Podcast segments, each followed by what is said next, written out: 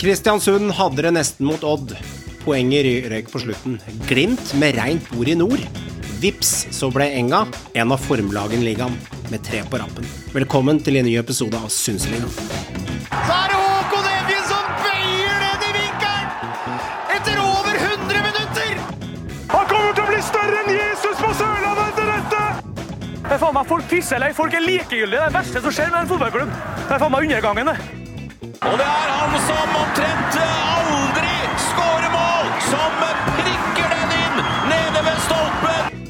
Det, det jeg gleder meg mest til, det er alle diskusjonene som kommer, og alle som kan alt om fotball, som dukker opp igjen og, og vet fasiten.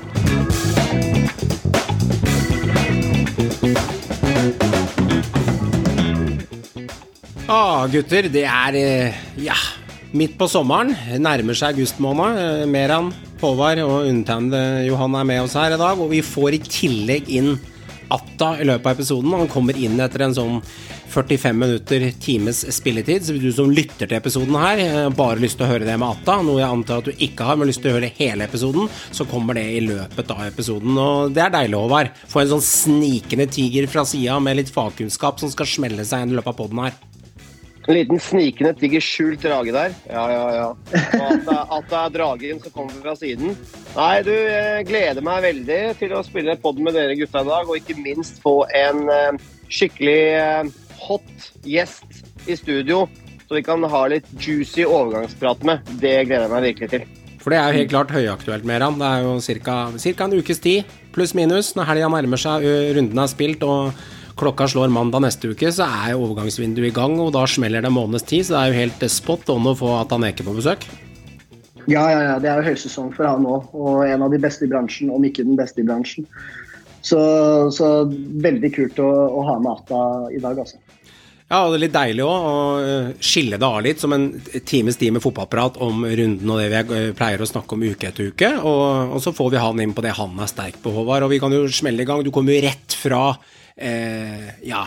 Jeg har ikke sjekka resultatet engang, så jeg tar det på dirreren, for jeg veit ikke åssen det ble. Men jeg sa til deg for to-tre timer siden at Brann kommer til å vinne 3-1, 4-1, og jeg har ikke sjekket. Hva ble resultatet? Det var ikke langt unna, Okay. men det ble, det ble nok en smultring eh, for Brann imot. Og 3-0 kontrollert, Okay. solid. Mm. Kongsvinger hadde vel knapt et skudd på mål. Det var spill mot ett mål, så å si. Ja. Og Kongsvinger bura igjen og prøvde å stenge, stenge av og, og parkere bussen. Det, det, det, det gjorde de en viss periode, og så sprakk det opp. Og så var det 1-0 til pause, og så, og så eh, er det Brann altså, Brann er det, det, Dette er ikke for å være hoverende. Ja, ja. Brann er rett og slett bare det klart, klart beste laget i Obos.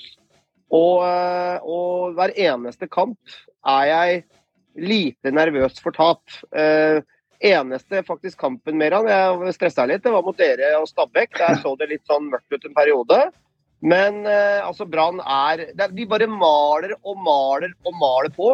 Og du ser det på en måte er klasseforskjell eh, på laga eh, i, ja, i, i egentlig hver eneste kamp, vil jeg si faktisk. Og når Brann bare gjør byttene sine, så er de bare Å, shit, kommer disse gutta inn? De har liksom ikke noe mer å gi, og da bare punkterer de kampen. De, de mørner og kjører over laga eh, igjen og igjen. Og det er på en måte bare sånn spørsmål hvor stor blir seieren. Men så er det kontrollert. Det er ikke sånn blendende offensivt hele tiden, men det er bare så utrolig kontrollert. Det ser ikke ut som de har evner til å skape sjanser, de andre lagene, for å si det litt sånn eh, høy og mørk. Men, men det er nesten på det nivået. Altså, Brann er suverene. Mhm. Og så blir det å gjøre opp om plassene bak. Og der, Meran, der er det jevnt. Ja, nå fikk vi juling da, i Sogndal. Eh, vi lå under 4-0 faktisk, eh, på et tidspunkt. Så jeg eh, Jeg er ikke i humør to nå. mål. Ja, men eh, det hjelper ikke. Vi ligger under 4-0. Og hva endte kampen med? Hva endte kampen med? Ja, 4-3. 4-3. Til Så Sogndal. det ble jo bare Ja.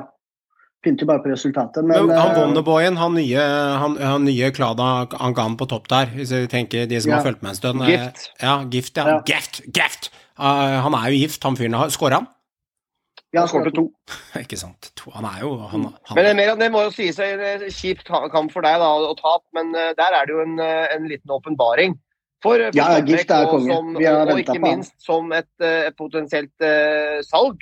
på, på sikt for, for dere. Og, og forhåpentligvis, Meran, så nå meldte Sand- nå har Sandnes Ulf meldt seg på, eh, sammen med Ranheim.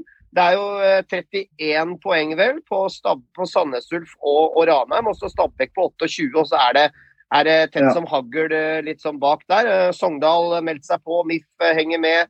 Og så er det jo Mm. Brann da på eh, vel 42, kan det stemme? Eh, ja, 11, 42. 11 poeng. Ja. Ja. 42 og, og null tap. Så Brann har 11 poeng på nummer to og tre fortsatt der, men Stabæk da eh, hakket lenger bak. Så, så er det, det er veldig veldig, veldig jevnt bak Brann, men de seiler jo av gårde som en soleklar vinner. Og det er spennende om den rekorden ryker. Jeg er på en måte litt der når jeg må, jeg må si det. Tar de rekorden, liksom? For, og, hvis, hvis de skal klare å miste dette her nå, det er tidenes helstrekk i norsk fotball når du leder med så mye. Ja, ja. Det er, men det er jo en del av å være Brann-supporter. Du veit jo feite med, feite med Ja, ja. Så jeg klarer jo ikke helt å være 100% sikker, men jeg må innrømme at jeg begynner å tro på opprykk nå. Ja. Det må være lov å si. Når det blir litt sånn vet du, at du ikke leder 2-0 til pause, og du heller ikke har dominert mot et lag til pause, så begynner det å bli litt sånn derre Dette er ikke bra nok. Når Du begynner å komme der eh, med laget ditt. Da har sånn da begynte det å komme et stykke på vei. Men det var litt eliteseriekamper òg, karer. Hm. Gode gamle Bodø-Glimt. Altså, vi har venta litt på dette med Bodø-Glimt. Vi har hatt noen sånne halv fire-resultater og røyk litt i Europa der mot Limfield. Og plutselig så er det fem i sekken, eh, fem i sekken med Rando. og Ja, Pelle han, eh, han fortsetter, han har lagt merke til en ting med Pelle, at det er få curlingsmål à la Dennis Bergkamp i motsatt hjørne, som han var ekspert på. Er det Thierry jæv- Henry, vil jeg si. Thierry Henry. Ja, Thierry Henry, som franskmennene ville sagt. Men Ja, Eh, sannheten er jo at han har skåra mye tap-in-skåringer, og det er en egenskap, det òg. Eh, fem av seks siste måla er eh, klassisk Harald Brattbakk, slutten av 90-tallet à la Rosenborg-skåring, og bare tappe den inn og være på plass og gjøre det man skal som en, som en god spiss. Så han har tilnevnt seg noen egenskaper her også, han Pelle. Ja, men det er det han har utvikla, eller fått en del aspekter i spillet sitt som han har utvikla. Fordi det er jo klart, han var jo kjent for de Thierry Henry-skåringene, men etter hvert så blir jo det gjennomskua. Du kommer inn fra venstre, skjærer inn mot høyre og skal curle inn lengst. Han har det nok i seg, det òg, Meran. Han har det i seg. Men det er få i år. Det er få av de i år. Ja, det er, det Det er færre i år, fordi du blir på et eller annet tidspunkt gjennomskua til slutt. Selv om han er ekstremt god på det. Men det han har gjort nå, er at han har utvikla spillet sitt. Han har funnet seg så mange flere måter å skåre mål på. Og det er det viktigste. Han har rett og slett blitt en dukkeoppspiller, ja. Eh, som, Ja. eh, som Glimt-laget på mange måter har mangla. Han har jo slitt med skader år, Pelle. Skal ikke glemme det. Han har, han har kun Ja. spilt 13 kamper, men han står nå Ja. med 13 skåringer. Han er soleklar toppskårer i ligaen. Jeg føler han har kommet sånn snikende fra sida. Plutselig så står han med 13 kasser, altså felle. Og han er soleklar den heiteste kandidaten nå, nå som vet om, og Sigurd Haugen er solgt. Så er eh, Pelle den soleklare kandidaten til å bli toppskårer. Jeg ser nesten ingen skal true han som er bare toppskårer nå. Det som er, bak. det er skader på Pelle, da. Og han har jo vært litt utsatt i år. Han har jo stått over en del kamper. Men du merker f.eks. i Europa, Europa, når de sleit mot Linfield borte nå, det er en forsmedelig tabbe av Høybråten, da, som skal jo ikke skje på det her nivået. De ligger jo under nå med 1-0 i sekken fra Nord-Irland. De har press på seg før å møte på Aspmyr nå. Nå fikk de en kjempegod opplevelse og feide over stakkars Jerv. Det så rett og slett litt sånn uh, klasseforskjell ut. Fra liksom Glimt i gamle, gode dager. Bonnie Face skårer mål, Pelle kommer på tap-ins. Fikk dere med den sykeste storyen, gutter? Altså, kona hans føda Ja, på baderomsgulvet om morgenen. Så litt av en dag for godeste Pellegrino, altså. Og så avslutter da med-. Med, med, med hat trick, liksom. Med, med. Enkle skåringer, ja, men du skal være der, du skal sette Men, det, dem. men at han i det hele tatt var på kampen og hadde Ja, hodet det er på rett syk. plass, det er jo Det er helt, det, det er så stor men, eh, idrett. all- Jeg tror ikke folk skjønner. All honnør til Pelle og familien Mm. og kona, kona ikke minst. Dra på kamp, gjør jobben din. Det sa han på intervjuet. Shout-out til kona, som gjør en kjempeprestasjon. Og Pelle svarer også med å skåre hat trick da, og, og sende Glimt rett opp i gullkampen. For sånn ærlig må vi være. Nå er de med i gullkampen. Yes. Jeg er veldig veldig spent på den returkampen på Aspmyra mot Linfield nå. De tror, jeg skal, de tror jeg skal få kjørt seg, for å være helt ærlig. Jeg tror Pelle er kåt på den uh, toppskårertittelen med Rondo. Han var én unna Lene Olsen i fjor der, og den, var, ja. den var sur, ikke sant, for Lene Olsen uh, tok litt uh, Ja, ikke sant. Én scoring på en hel sesong, det, det er ikke sant? Nå, når han tar de tap-inene og får inn Men noen eh, Men Johan, det var ikke i fjor. Det var ikke i fjor. Året Det før. Det var året før. Sorry, året Det før. to år. Året før. Det er fi- fint med en liten, litt arrestasjon. To dager i buret for den, Yes. eh, så den, den er grei. Det var OI som uh, kriga da. Ja, det er riktig. Og- Men uansett, han mista den. Eh, men nå tror jeg han er, er eh, gira på å ta den. Men Han er i eh, rute. så hva gjør hun nå med Linfield til eh, kommende, eh, kommende dager? Her må hun gå i angrepsposisjon, for at det kommer til å koste litt krefter her, Meran, samlet. Jeg mener de må gå all in. Ja. Det er jo snakk om mye penger her òg, så du topper jo laget. Det er, det er jo ikke noe å lure på. Uh, og så er det jo Ja, ny kamp igjen lørdag mot, mot, mot Ålesund der, men peis på. Peis på nå. Du må smadre over Linfield. Topp laget. Og så syns jeg, og synes jeg også vi får svar på at eh, det er soleklart uh, forskjell nå. uh, faktisk på spissplassen. De er best med Boniface fra start. Han skårer mål. Han er en kraftpakke. Han skårte hat trick mot Klaksvik. Han må starte i Europa.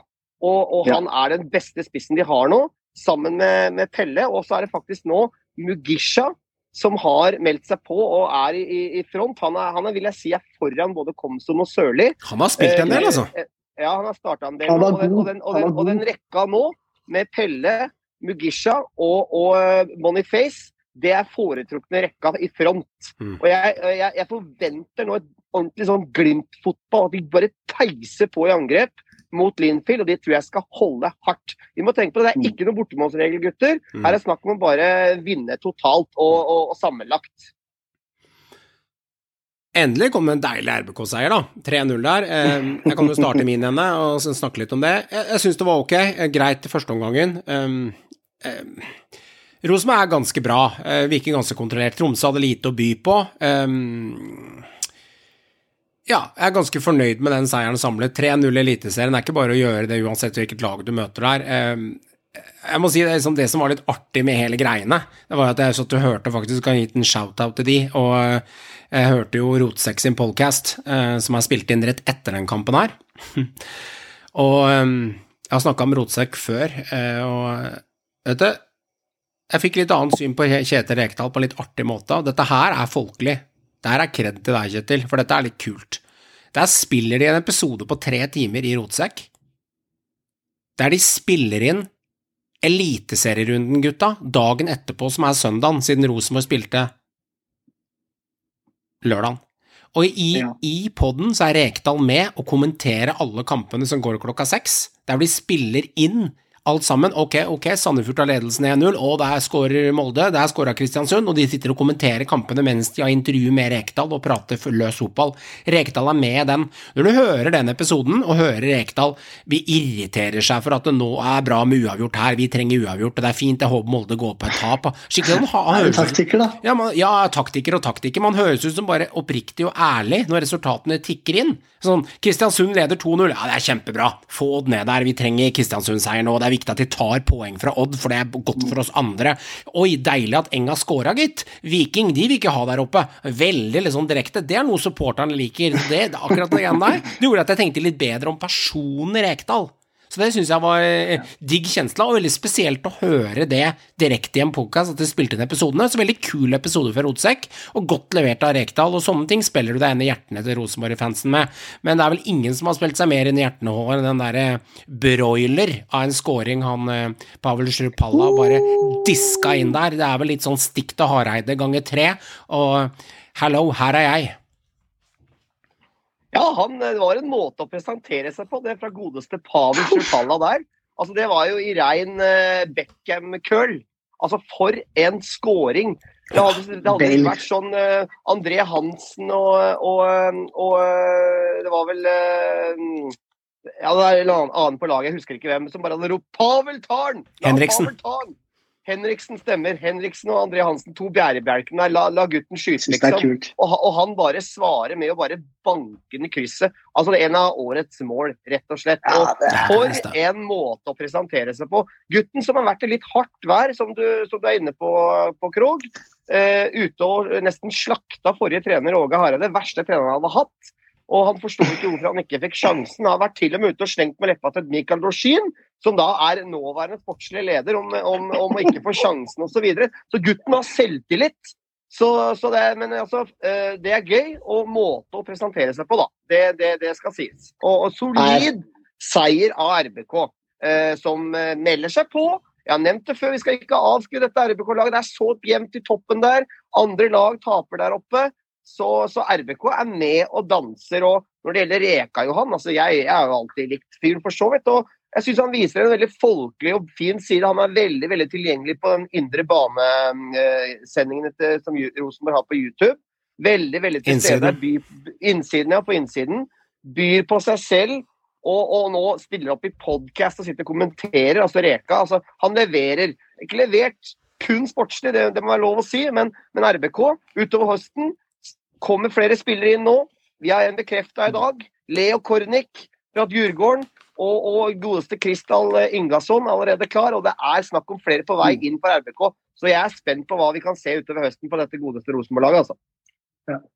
Ja, uten tvil. Altså, jeg har aldri vært noen stor Rekdal-fan, men um, Nei, det er ikke noe hemmelighet. Nei, nei, og det er, og det er helt greit. Det er ikke sagt, det er den store, stygge ulven for at jeg ikke har vært en Rekdal-fan. Jeg kan ikke gå rundt og elske alle. Jeg syns han har vært utspiselig og håpløs, og han har jo sagt sjøl at han har eh, Jeg har jo fått rett i mine antakelser. Han har jo sagt tidligere at han har jo vært et spill for galleriet for å, for å trykke RBK ned, for det har vært det som sånn skal Sånn er gamet, da. Sånn er gamet, og det har jeg avslørt litt mellom linjene, for det har vært litt mye RBK-hat der. Men jeg syns her har han jo sagt klart og tydelig at nå er alle andre konkurrenter, og nå hater jeg alle andre, og det har han sagt. Og jeg syns denne episoden her med Rotsekk denne uka her, veldig kul episode.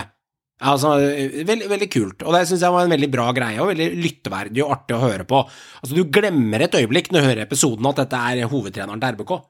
Du tenker liksom for han blir så irritert når ah, 'Der kom scoringa, det er så typisk, altså. Typisk at den kom der'. Han irriterer seg som en vanlig supporter, og du hører at det er ektefølt når laga skårer, og blir glad når Sandefjord plutselig går opp til 2-2 der, rett før Molde avgjorde 2-3. Liksom, du merker liksom at det, Er dette helt innafor for at en hovedtrener sitter sånn i en pod? Jeg digga det. Jeg syns det var fett. Så det var artig.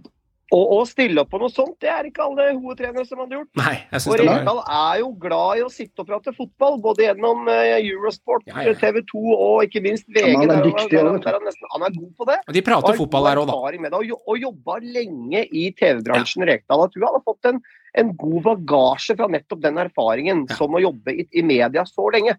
Ja, ja og han har tatt steg der, da. Kan du nevne det, og så kan la det ligge, ligge, dødt. Men han sier jo i denne episoden at uh, vi har vært ganske svake på kontringer i år, og sammenligner med andre lag i Eliteserien, så har vi en av de lagene som har blant annet scora minst på den der fasen av spillet, så kontring har ikke vært vår sterkeste side, og der har vi store oppsider.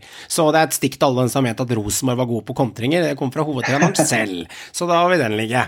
Eh, det var ikke bare scoring med Schupalla i krysset som så ut i god gammeldags eh, klassisk Helland-stil, for å sammenligne litt, men eh, Altså, Sandefjord, mer Meran, 3-1, en sterk seier, og Sarpsborg er litt ute og sykler der og har hatt noen småtøffe resultater. og denne Sande han har jeg fått litt øynene opp for. Eh, herlig brasseskåring, og i tillegg en nydelig innstikker på sistemålet til eh, Enjoy der. Så han er litt sånn underprata spiller på midtbanen der, med en solid 3-1-seier. Ja, jeg, jeg spissa opp øynene etter brasseskåringa. Han er eh, altså kant, offensiv spiller. Ja, ja, ja. ja. Okay. Jeg, jeg, jeg spissa opp øya, det, det, må jeg si. Eh, det var en ganske vill scoring. Mm. Jeg så litt på den derre kampen der. Og innlegget hans også er strålende, den kølen han slår inn der. Den er det. Han er, han er, faktisk veldig god. Men personlig så vil jeg heller trekke frem Bilal Njay. Okay. Safari så for så vidt, men jeg syns Bilal Njay konstant uromoment. Jeg synes han virkelig har tatt steget. For han var god for Koffa, det var han. Så jeg er litt usikker på om han skulle ta steget i Haugesund, men det syns jeg absolutt han har gjort nå. Altså, jeg synes han, han er jevnt god, stabilt god, kamp etter kamp. I noen kamper får han til litt mer enn andre kamper, selvfølgelig, men for meg så er det en spiller som begynner å bli viktig for Haugesund nå. Så spennende spiller. Eh, han sleit jo veldig etter overgangen. Han var jo ute av laget lenge. Og så nå, nå som han har kommet seg i i varmen, så så viser han jo hva som bor i. Nå, og så har jo eh, Haugesund, som du er inne på med Safaris, der har de jo Diamant, altså unggutten. Han er vel knapt en 19-20 år, uh, Safaris, og kom fra Grorud. og meget talentfull spiller, skåret nydelig frisparkmål nå. og Han er en skikkelig terger på midten mm. der. Ligner på en sånn Kristoffer uh, Hestad-type. Sånn skikkelig plugg som er sånn uh, julevisper på midten der. Og, og er god, god med ball og takler å holde på. og Trygg med kula i, i, i fot. Og viser også at man har en skuddfot. Så, så Haugesund ja, de, de, viser at de har litt flere strenger å spille på enn Badou. Og store, sterke Søder kommer inn. Litt albuer og litt dueller og litt Ja, ja, ja. Gjør Litt, eh, litt, så- den var faktisk litt stygg, den ene albuen fra Søder der, mot han stakkars Bjørn Inge Utvik som ligger der med hjelmen og nesten er svimeslått. Men, uh, og det blodet flyter og ditten og datten. Grensa. Det, det er tøft. Det Grensa. er på grensa. Ja, grensa, med- grensa, ja, syns jeg. Fordi Utvik har vært stygg, han òg. Og stakkars Bjørn Inge Utvik, som tross alt spiller med hjelm. Han har vært utsatt for flere hjernerystelser, så det er karrieretruende å få flere hodesmeller for han, faktisk. Så det må vi ta på alvor, og få håpe det går bra med han. Men, men solid seier har Haugesund, det, det, det er det. Og, og det er et lag som kanskje nå Kanskje de er på vei opp fra sumpa. Ja, for dette, jeg syns dette er så vanskelig, og vi snakka om det tidligere, og det er liksom viktig å være litt ydmyk på dette her. Fordi vi slakta Haugesund litt. Grann. Sannheten er at nå er det tre tap siste ti år. Eh, tre seire, fire uavgjort og tre tap. Så enten så er det, det, er, det er helt Joker Nord hvor det går med Haugesund. Men de har kommet seg litt opp der, kan være med å slåss seg litt ut av bunnen. Og så tar du Sarp, da. Så vi har skrytt av så lenge. Spennende lag, skårer mye skåringer. Nå har de altså eh, syv tap på de siste ti. Ja. Og de står med tre strake tap på rappen. De underholdt oss, de sjarmerte oss, de skåra tre mål, fire mål, fem mål, og så plutselig så går de på syv tap på, på, på de siste ti. Ja, ikke sant? Og da Tiendeplass nå. Tiende. Og det, og, men det verste er vet du, at de er nå inne i sånn sånn negativ trend. Og, og Jostein Grindhaug sier jo sjøl at vi, vi var kjørt. vi Sarpsborg hadde oss litt på gaffelen. Men så kommer det røde kortet, så, som er høyst Tvilsomt. Det røde kortet. Den til skipa? Den til Skipa, ja. Han, sånn, som, sånn som de sier i studio, han må jo stå et sted. Og tilfeldigvis så lander han på ankeren til Søder. Ikke sant? Så det, det ser ut som en, en stempling, men han, han, setter jo bare foten ned. Så det er Ja. veldig diskutabelt rødt kort, må jeg si. Og, og nå er Sarpsborg der det på en måte har bikka stang inn i andre situasjoner.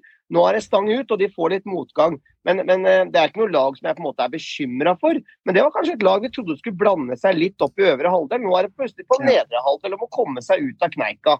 Eh, Og nå mister de Jonathan Linseth også. Det er jo, veldig trolig mister de han.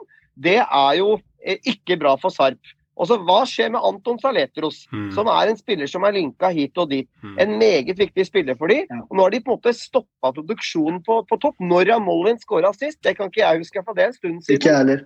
Og det er faktisk eh, senest eh, spisskortet var vel Skålevik, den typisk Obos-spissen Skålevik, som bare er ordentlig god i Obos. Mm. Og for så vidt var OK i Brann for mange år siden. Mm. Men, men de, de, de, de har ikke noe spiss som skårer mål nå, Sarp. Tobias Heinz har det stoppa opp for. Han var hot noen runder. Nå er det bom stopp. Så Sarp må ta en seier snart. så ikke den rekka blir lang.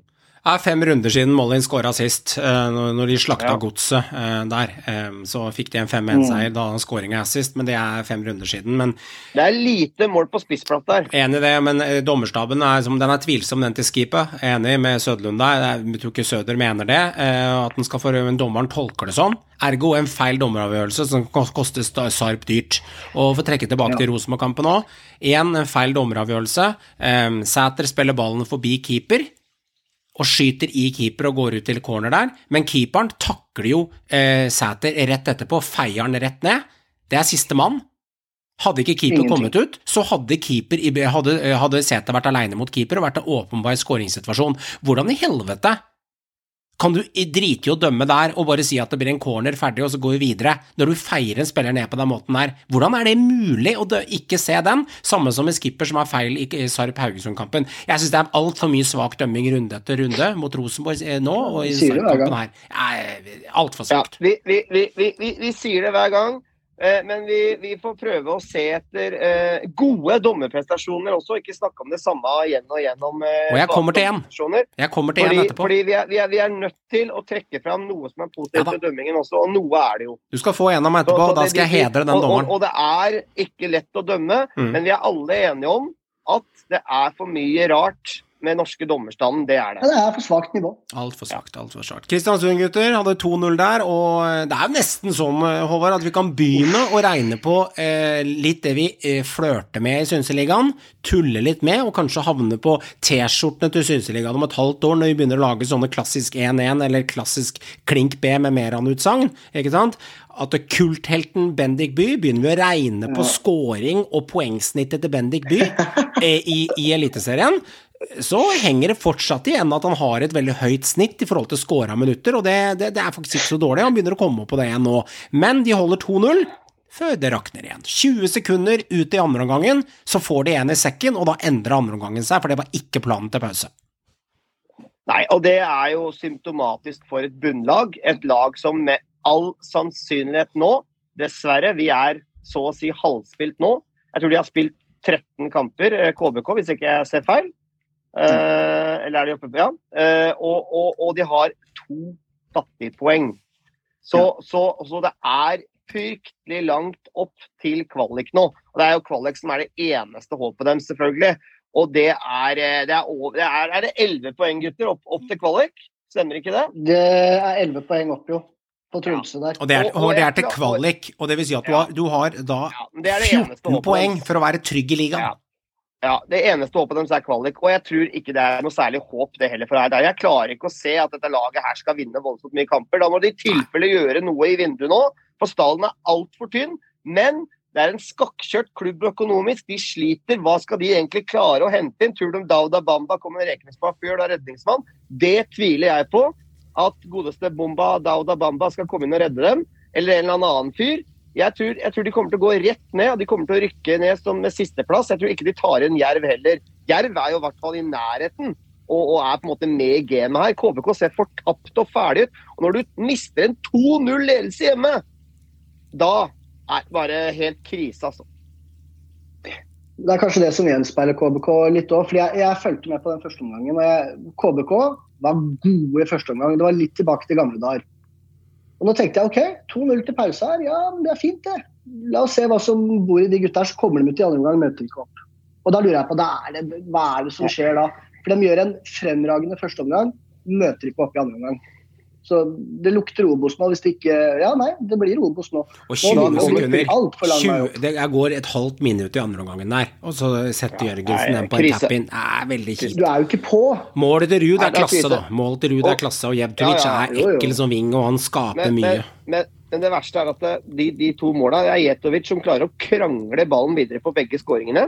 Eh, først til Jørgensen og så til Ruud der. Og- Og så det, det er hjelpeløst. Det er et lag som ser redde ut. ikke sant? De veit shit, nå, nå kommer det. Og Christian Mikkelsen han snakker pent om det og, og på en riktig måte. Vi blir stressa. Vi er et lag imot, men det er ikke noen tvil om å, å si noe annet. Vi, vi, vi, har en, eh, vi er inne i en ond sirkel, og da blir vi prega. Og han sa vi begynner å spille igjen på 2-2. Og så er vi, altså, Hvorfor slutter de å spille på 2-0? Ikke sant? Det, det, det, det, det, det det er et lag som sliter med selvtillit, som sliter med ro, og som sliter med gode opplevelser i laget. og Det har vi hatt fryktelig lite av. Så, så dessverre, jeg syns de ser fortapt ut, rett og slett. Altså, de kan begynne å planlegge Obos. Hvem er Ja. med videre, liksom? Ja. Det, men, det kan, men det kan være en fordel òg, da. Jeg, jeg, jeg- skjønner at de er avskrevet, og altså, en ting er at de skal vinne liksom halvparten av kampene sine som er igjen, og det er ikke sikkert det går da engang, for det andre lag over det må jo begynne å tape og ikke vinne en dritt. De Tar jo poeng, de òg, Nettopp, ikke sant. Og det, det, det blir røft, da. ikke sant? Det blir jæklig røft. Da skal plutselig Jerv, Tromsø, Haugesund, Sandefjord, HamKam og Sarp, da, som er de neste seks der, de skal jo plutselig ikke nesten ta poeng, ikke sant. Eh, Så det blir røft. Men, men eh, det er jo en fordel. De har jo plutselig da nå et ja, skal vi se, juli, og sesongen starter igjen i april. De har plutselig en sju, åtte, ni måneder til å begynne liksom å planlegge hverdagen sin. Kontrakter, lønninger, hvordan strukturen skal være i administrasjonen. Kanskje nesten er for god tid, ikke sant. Det, er jo litt demotiverende Ja. men det kan jo være en fordel nå. Ja, jeg tror det er en mager trøst når det går ned sånn og du virkelig Jeg prøver å finne en oppside her, da. Prøver ja, ja, ja, men du har vært på oppadgående kurve i mange, mange mange år. Så plutselig bare ankeret i bånn. Du, du, du har kjørt deg helt fast. Altså, De må få gode opplevelser nå, med i hvert fall begynne å vinne kamper og i hvert fall begynne da å få en viss selvtillit inn mot Obos da, neste sesong. For Det er det som er realiteten. De kommer til å rykke ned. Det kan hende jeg må spise ordene mine nå. Jeg klarer ikke å se at dette laget her skal klare å redde plassen. altså. Mm. Det er bare å begynne å Det planlegge for neste år.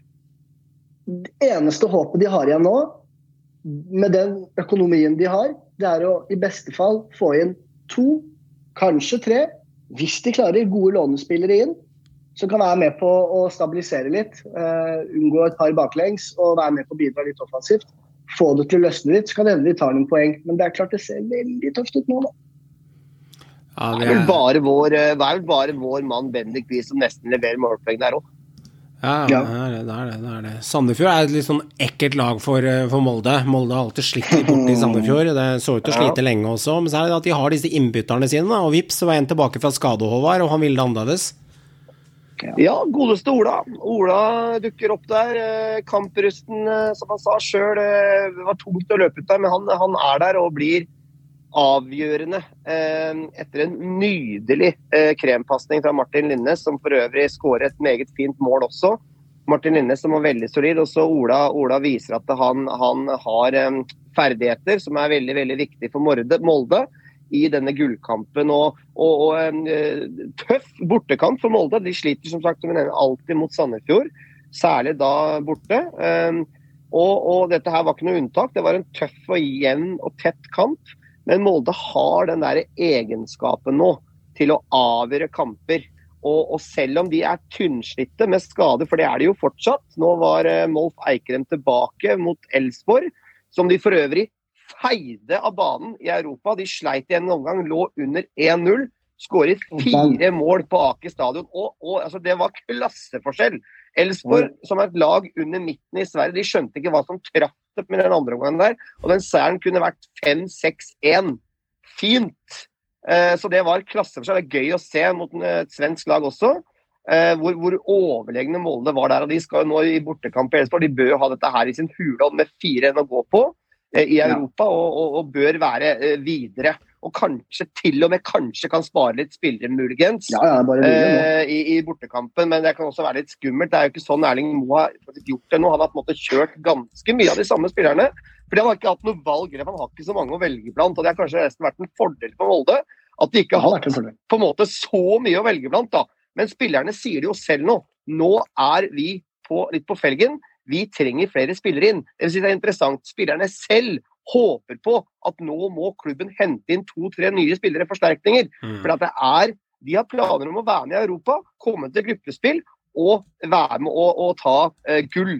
Det er jo selvfølgelig solklare mål for Molde, og da trenger de en bredere tropp. For de har De mye skader, altså. Mm, mm. Det kan bli avgjørende. Bekymrer hva Ja, men spørsmålet er en fordel. Ja, Simon Olsen, han er, Vi trenger nye spillere, jeg er sikker på. Simon Olsson, som spiller på midtbanen til Elsborg, er faktisk linka til RBK. Eh, han som er på midten her. Ja, Kanskje han fikk litt kalde føtter? Jeg tenkte skit, nivået er høyt sy- eh, For å være helt ærlig, han så jeg, han så jeg fryktelig lite til. Han Simon Olsson. Kanskje han er en spiller som ikke er så god til å komme til syne når ikke de får diktere kamper. Eneste som eh, jeg merka meg litt, det var han der ordentlig drittsekkspissen Frikk som de hadde på topp. Mm. Og innbytteren som kom inn, og det var nemlig sønnen til Eidur Gudjonsson. Han ligna på sin far. Eh, han, han så litt spennende ut, han islendingen der. Kanskje det er en mann å hente for noen eliteserieklubber. Han så litt plugg ut og hadde touchen og, og var, var en, faktisk en trussel når han kom inn for Elsborg. Så det, det var litt artig å se. Men, men Elsborg, ikke noe stort lag. Molde skal være greit videre til neste runde her. De ble liksom tatt på tempo og ferdigheter, Elsborg, altså. Ja. Og det samme Spør Ata etterpå, Håvard, om han Gunnarsson. Ja. Få spørre Ata, han Ja, har oversikt. vi, vi, vi får gjøre det. Det samme var vel egentlig til, tilfellet med Sandefjord nå. De, de tatt litt på ferdigheter og rett og slett eh, eh, nivå når det, når, det, når det gjelder som mest. Og, og Molde Mm. er et bedre lag enn Sandefjord, selv om Sandefjord kjemper heroisk. Og, og sånn. Det er ikke noe lett lag å slå for noe, noe, noe lag i Norge, men, men, men ny, sterk, sterk borteseier av Molde. Ja, uten tvil. Og det, for en måneds tid tilbake mer, så skreik de etter et spiss og et lag på Oslo øst. Det ljoma like høyt som det ljomer i Munch-museet nede ved kaia, det nye mu- museet der. Det var jo eh, folk bare Nå må Vålerenga gjøre noe, og krevde huet på et fat for alle mann. Men sannheten er at noen runder etterpå så er de formlaget sammen med Molde og Bodø-Glimt, med eneste laget med tre på rappen. Det er ni av ni poeng, det. Og vips, Det så snur det. Og de har slått bra lag òg. Men, det- men det jeg bi- bitt meg merke i, er I går så jeg spillere som bretta opp erma litt, og da tenker jeg på eh, stjernene, da. Såkalte stjernene i gjenga. Da snakker jeg om Sarawi, jeg snakker om Bjørdal, jeg snakker om Lajoni. De var på alle mann, løse og ledige. Spilte en god kamp. De spiller med viljen og guts og så enkelt som hjertet utapå drakta, som, som Fagermo også har vært inne på tidligere. Så de har brutt noen koder der, det har de. Men jeg tror jeg er fortsatt på om at eh, de trenger en klassespiss foran der. De trenger en... Det gjør de. Og så må vi jo ta, ta med da at, eh, at eh, hedersmannen for klanen Det er ikke ofte du ser det at en spiller som drar vederlagsfritt, blir hylla. Nei, han, ikke på den. Er fin. Den er fin. Han, han, blei, han er jo ekte Enga-gutt. Har vært der så å si hele oppveksten og, og gått gradene i systemet. og, og blitt en eh, virkelig, virkelig jeg vil si legende i Vålerenga. Det, må- det må være lov å si. Han har spilt mange kamper og både vært back og stopper, vært stopper de siste årene. Og, og vært en bærebjelke på det Vålerenga. Nå 26 år. Valgte å ikke skrive ny kontrakt, vil prøve seg ute. Fått en eh, kontrakt med da PAOK i, eh, i Hellas en av storklubbene der, og, og hadde sin siste hjemmekamp. og Det så du var med modig for godeste Ivan Nesberg, som er, selvfølgelig er en ekte Vålerenga-gutt. Og, og Mm. deilig for han da å avslutte med seier og stå med klanen eh, og feire og, og bli hylla der som, som Ja, han gikk jo rett inn blant klanen faktisk og var med på, på dansen og festen og takka, takka nesten hele klanen der. Så det var herlige bilder, og du så det var en rørt Nesberg som spilte sin siste hjemmekamp. Men han må erstattes. Og vi må, og, og Vålerenga må ha inn en spiss. Og de må nok ha noe mer også, og det tror jeg kommer. Men det har vært stille fra Joakim Jønsson. Jeg henta PK Bråtveit. Det har vært snakk om de, og det har vært snakk om Børven. Ikke noe, formal, noe formalisert der. Eh, Jeg er litt spent på å høre hva Atlas tenker om Vålerenga etterpå når vi skal snakke med han, og om det er noe- noen tanker rundt det. For det, der er det ting som må skje. Ja, de har tre seire på rad, men de trenger mer inn for å på en måte hente seg. Det brente, det brente virkelig under beina på Dag Eilef. Og nå er smørblide godeste Brumlebassen tilbake og ser trygg og selvsikker ut. og Dette var viktig for han og laget. og Deilig å se at Osame Saroui også skåret mål igjen. For det har vi jo etterlyst. Det har jo, dette var faktisk det målet hans i år. Og du ser jo også at en spiller som Amor Lajoni er tilbake på ja, bra, bra, bra nivå, som vi husker fra Glimt-tiden. Så det er viktig Ja. for Vålerenga at kantene deres fungerer. Og jeg tror det har vært kjempeviktig for den gruppa der. Få bort spillere, rett og slett, som Kjartansson, Dønnem. Vi skal ikke si så mye om Ishmael, for Tom forsvarte jo godeste Tafik Ishmael. Men, men, men de, de har nok stjålet en del energi og fokus. Å ha på en måte spillere som ikke er motiverte, og som på en måte ikke er gira på, på en måte, Er det på lånt tid, da? Få de vekk fra gruppa. Og, og få inn folk som er villige til å blø for drakta og liksom virkelig vil Vålerengas beste. Og, og det, er nok, eh, det har nok ikke vært tilfellet hos de som har forsvunnet, dessverre. Altså, det finnes jo ikke en trener i, på nivå i Norge fra, fra ja, hva skal jeg si, ja, utelukker sjuende divisjon, da, fra 6. divisjon opp, som ikke sender et lag på banen uten en plan og en taktikk og en strategi. Så jeg tror nok Fagermo også har hatt en plan, taktikk og strategi, men det handler om at du møter jo motspill, da, og så møter du perioder av laget her i dårlig form, og det skjer ting, og uforutsigbare ting skjer i kampene, og du bommer på inngang til kamper, og eh, dette er jo fagfolk. Så Fagmo har jo hele tiden eh, vært, sikkert vært trygg i seg selv, men han har slitt litt kanskje med å få det ut i gruppa si, og så fikk de et resultat av 9 og 9 poeng nå. Og Det er jo ingen mer gledelig enn å se at eh, jeg elsker og hater det litt. Ingen stor Vålerenga-supporter, jeg hater ikke Vålerenga, for jeg som Rosenborg-supporter, jeg spytter aldri nedover, det er feil å gjøre, det er ufint å gjøre. Men det interessante er at eh, når jeg ser det fårete båtsmilet på Hvaler, med sommerskjorta litt åpent og litt tynn i håret som Fagermo er, han får den få- fårete gangen sin, var ganske høy, romslig mann, da skjønner du at han er i sitt ess igjen og er i komfortsonen sin. Den var borte en periode med han, i en to-tre ukers tid, og nå er det tilbake Det igjen med litt sånn smørblide fyr og en sleivekommentar, og selvtilliten er utapå drakta. Eh, skjønner du hva jeg mener? Det er, eh, det, det er litt Du merka han var litt Ja, nede. Litt nede. Nå- var litt nede. Nå er han litt oppe og nikker igjen, og det, det er litt sjarm, da, som en eh, supporter fra sida av se. Han kler det betraktelig bedre enn å se litt sånn litt sånn redd og Stakkarslig engstelig ut. Litt sånn stakkarslig, litt sånn stusslig. Ja, ja. Det er lov å si. Litt sånn redd og engstelig. Har jeg noe jobb å gå til, eller må jeg tilbake til Skien og trene Porsgrenland, liksom? Eller, Ja, ja, ja. Eller, eller hva det måtte være. Eller han hadde fått seg jobb, han selvfølgelig. Han. Sannsynligvis. Eller han hadde kanskje vært en morsom ekspertgutter. Kanskje det er noe for, hadde vært noe for TV 2. Han hadde vært en bra For når de tar over rettighetene.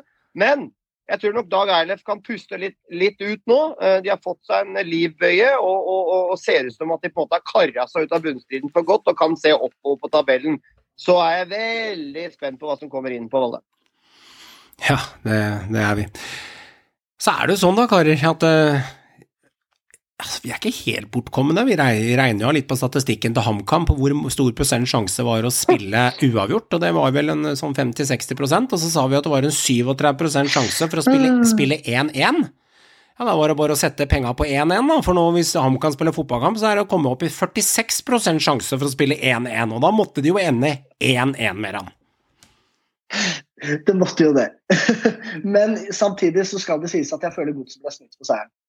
Jeg skjønner ikke hvorfor den skåringa ble annullert. Uh, Så interessant at du sier det. ja. Uh, Det er veldig interessant, for da vil jeg høre deg argumentere først for det. Nei, altså, det kan være at jeg ikke har studert skåringen godt nok, men jeg, jeg skjønner ikke hvorfor, den blir, hvorfor det ikke er skåring. Mhm. Jeg, jeg, eh, jeg er eh, uenig. Jeg syns Ja. det er riktig eh, avgjørelse. Jeg skal se nærmere, selvfølgelig. Fordi at Tobias Gulliksen, du ser han dra, litt skjult, god dommeravgjørelse. Han drar Colby Fernandes Foster i armen bakfra. Han trekker den bakover i akkurat riktig øyeblikk. Smart liten sleip manøver fra unge Gulliksen der. Drar han i armen, så han ikke kommer fram og forhindra å gå i Og det er jo ikke lov i fotball. Du kan ikke dra folk ned, ned, ned med armen. Og han holder, holder nærmest i hånda og drar ned. Holder den igjen, da. Slik at Salvesen får skutt og, og skårer. Så jeg syns det er en riktig dommeravgjørelse. Ja, men da, da skal jeg se den nærmere, så skal jeg, så skal jeg studere den Gulliksen i hvert fall enda, enda nærmere. Kan hende jeg tar feil, altså, men jeg bare syns det virka rart. Men uh, Det her er det delte meninger om, og jeg hadde jo tenkt å kjøre endelig en shootout til dommerne, for eh, Christian Moen som dømmer for Løvenst, eh, Løvenstad FK. Yes, jeg sier det igjen, Christian Moen, du gjorde en god jobb. Jeg ser vinkelen hans en gang til. Jeg skjønner ikke først når han blåser når Salvesen scorer der og er på vei til å bli helten før han skal sette, sette seg på flyet nordpå, som sannsynligvis kommer til å skje ifølge media. Så, Trolig siste kampen, ja. Eh, Trolig. Vi vet ikke helt 100 ennå. Kanskje vi får Nei. svar på det i dag, for Atta er agenten hans. Time will show. Men det interessante med Christian Moen er det at um, jeg ser vinkelen hans i reprisen, og i vinkelen hans i reprisen så ser han det ikke 100 klart, fordi han ser kun, eh, kun han beholdt igjen, eh, spilleren, og så ser han, ikke, ser han ikke Gulliksen perfekt med hånda, så han må ha fått hjelp av assistentdommeren sin der, fordi at vinkelen ser du er litt skjerma, så det er meget, ekstremt godt sett av dommer. Så her kommer det en shout-out at det er jævlig bra sett, altså, versus den episoden med Sarp Haugesund og, og Rosenborg-Tromsø der, der det var elendig av dommeren, eller Kai Erik Steen som ikke burde dømt i Eliteserien. Men Moen, det var bra sett, for det er riktig avgjørelse. Han blir hindra. For du kan si at han er ikke i nærheten av Salvesen, Merando, men hadde han ikke beholdt igjen, så kan det ende en spilleren på bakre stolpe hadde fått avverget den ballen, og han er en del av spillet. Så jeg syns det var meget bra sett. Eh, Så ja, bra sett. Men, nei, ham, men jeg krangler ikke på den. men HamKam-gutter, det er et seigt lag å slå, altså. Det er ikke bare å møte opp noe til de kameratene fra Innlandet. Det er ikke noe å tulle med det der. Det er i hvert fall uh, uten tvil dumt å sende HamKam opp som hovedkamp klokka åtte. Uh, for det blir jo kjedelig. Og 1-1 eh, og 0-0. Kanskje. Det er ikke alltid kjedelig. Det er, det er, det er ikke alltid kjedelig. Men, men, men ofte så blir det litt traurige kamper, det må jeg si. Og uavgjort-spesialisten HamKam. Men altså, bevar meg vel, nyopprykka lag. De kommer sannsynligvis til å cruise inn og holde plassen greit hvis de fortsetter sånn her. For de har jo allerede Mikkelsen og, og Sondre Skansen eh, regna på når han på en måte ja, dreit seg ut litt der, vil jeg si. Han godeste reporteren. Med tanke på eh, om det holder å spille uavgjort, for det gjør det jo i statistikkmessig hvis de fortsetter sånn her. Så, så eh, nei, HamKam, de eh, Kjedelige, men, men de, de, de tar med seg poeng og ekstremt seige å slå. Det er få lag som slår HamKam, både de under på tabellen og de over. Så, eh, så de, er, eh, de er solide, men eh, ikke så fryktelig mye mer. Nei, men det er et sånn irriterende lag, for når du skal møte dem, da Om du hadde vært Brann i Eliteserien nå, nå er jo ikke dem gode nok for å være Eliteserien ennå, selv om eh, du tror det akkurat nå, var, men akkurat nå er de ikke det enda, for å stikke litt sånn li- li- lite, lite vikingstikke, sier her, og Stabæk også, men hvis for de som er vikingsupportere, Sarpsborg-supportere, Molde, Rosenborg, Enga, som tenker at her skal vi bare møte opp og ta poeng, så kan det være sånn kjip bananskall når du trenger de tre poenga, for du må henge med et sted. Det det. Så kommer HamKam og så ja, ja, ja, her blir det gjerrigfest. Du vet at utsagnet som jeg lærte av Tom Nordli på at de bruker jo heller to kroner for å ødelegge, ødelegge for naboen på Innlandet enn å bruke én for å skape avling. Det er noe med det at det, ja, det gamle Ja, men det er ikke tull engang. Det gamle utsagnet om folk fra Innlandet er at de bruker heller mer penger på å ødelegge for naboen enn å sørge for egen Ja. avling sjøl og bruke mindre. Eh, Det ligger noe i det. De er ærgjerrige jævler. Og det er ikke negativt ment, det er som en heder til dem, og du må være av det. Fordi at eh, ja, Jerv er gjør det dårlig i år, Kristiansund skuffer, men det er ikke så langt ned heller, for plutselig begynner disse kampene Håvard, å vippe til at de taper 2-1 og 3-1. Da er det ikke sånn at du er trygg lenger, og det kan gå andre veien, at de kan utvikle seg, og dette vil tiden vise. Apropos Innlandet, så har jeg vært på Innlandet i helgen, gutter. Både, både Hamar og Lillehammer og oppi, oppi, oppi høgga der. Og kjørte forbi ærverdig Briskeby. Det var litt, eh, litt gøy. Aldri vært, eh, vært der før. og så denne ærverdige, fine stadion eh, på, på, i Hamar. Så det, det var litt eh, artig. Mm. Jeg nesten hadde lyst til å bare prøve å snike meg inn og se om jeg fikk tatt noe hils på Christian Eriksen eller et eller annet. Ja. Men, men det, var, det, var, det var gøy, og, og jeg må si at HamKam har jo selvfølgelig imponert oss som nyopprykka lag, selv om vi tuller litt med at de er kjedelige. Men man kan ikke forvente så fryktelig mye mer fra at nyopprykka lag enn presterer. Det er solid håndverk fra, fra Hamar. Og så har vi jo skrytt av de masse, altså med god grunn. Og I morgen så spilles utsatte kampen Sandefjord-Kristiansund. Der har du tippa 2-0, Håvard, i neste rundespådom, eh, så du har et lite resultat inne der som du kan få poeng for. Så det er en eh, syvkamp i morgen på, eh, om to dager, beklager, på onsdag eh, om to dager. Så der går det en eh, utsatt runde. Og rundt runden her da, Kari, med poeng, så em, jeg karer til meg et poeng i Glimt. Jeg tipper jo 5-0, men nei 4-0, men det blir jo 5-0. Men jeg får ett poeng for riktig resultat. Jeg bommer på Rosenborg-kampen. Meran, du bommer på begge to. Eh, og Ja. og Joakim, eh, Joakim han, eh, han treffer på den ene med, med ett et poeng der, og Håvard, du treffer ikke på Godset HamKam, som en Joakim treffer på den ene med Molde. Det er ikke så langt unna riktig resultat, men du har en ny sjanse om to dager, Håvard, eh, som en hengekamp der. Og da skal vi ta eh, rett og slett og kjøre eh, runden til helgen, og Meran, vi skal starte hos deg der. Ålesund, Glimt og HamKam Kristiansund. Ålesund-Glimt 1-3. Ok? Eh, Jeg tror Glimt tar dem på bortebanen der. Mm.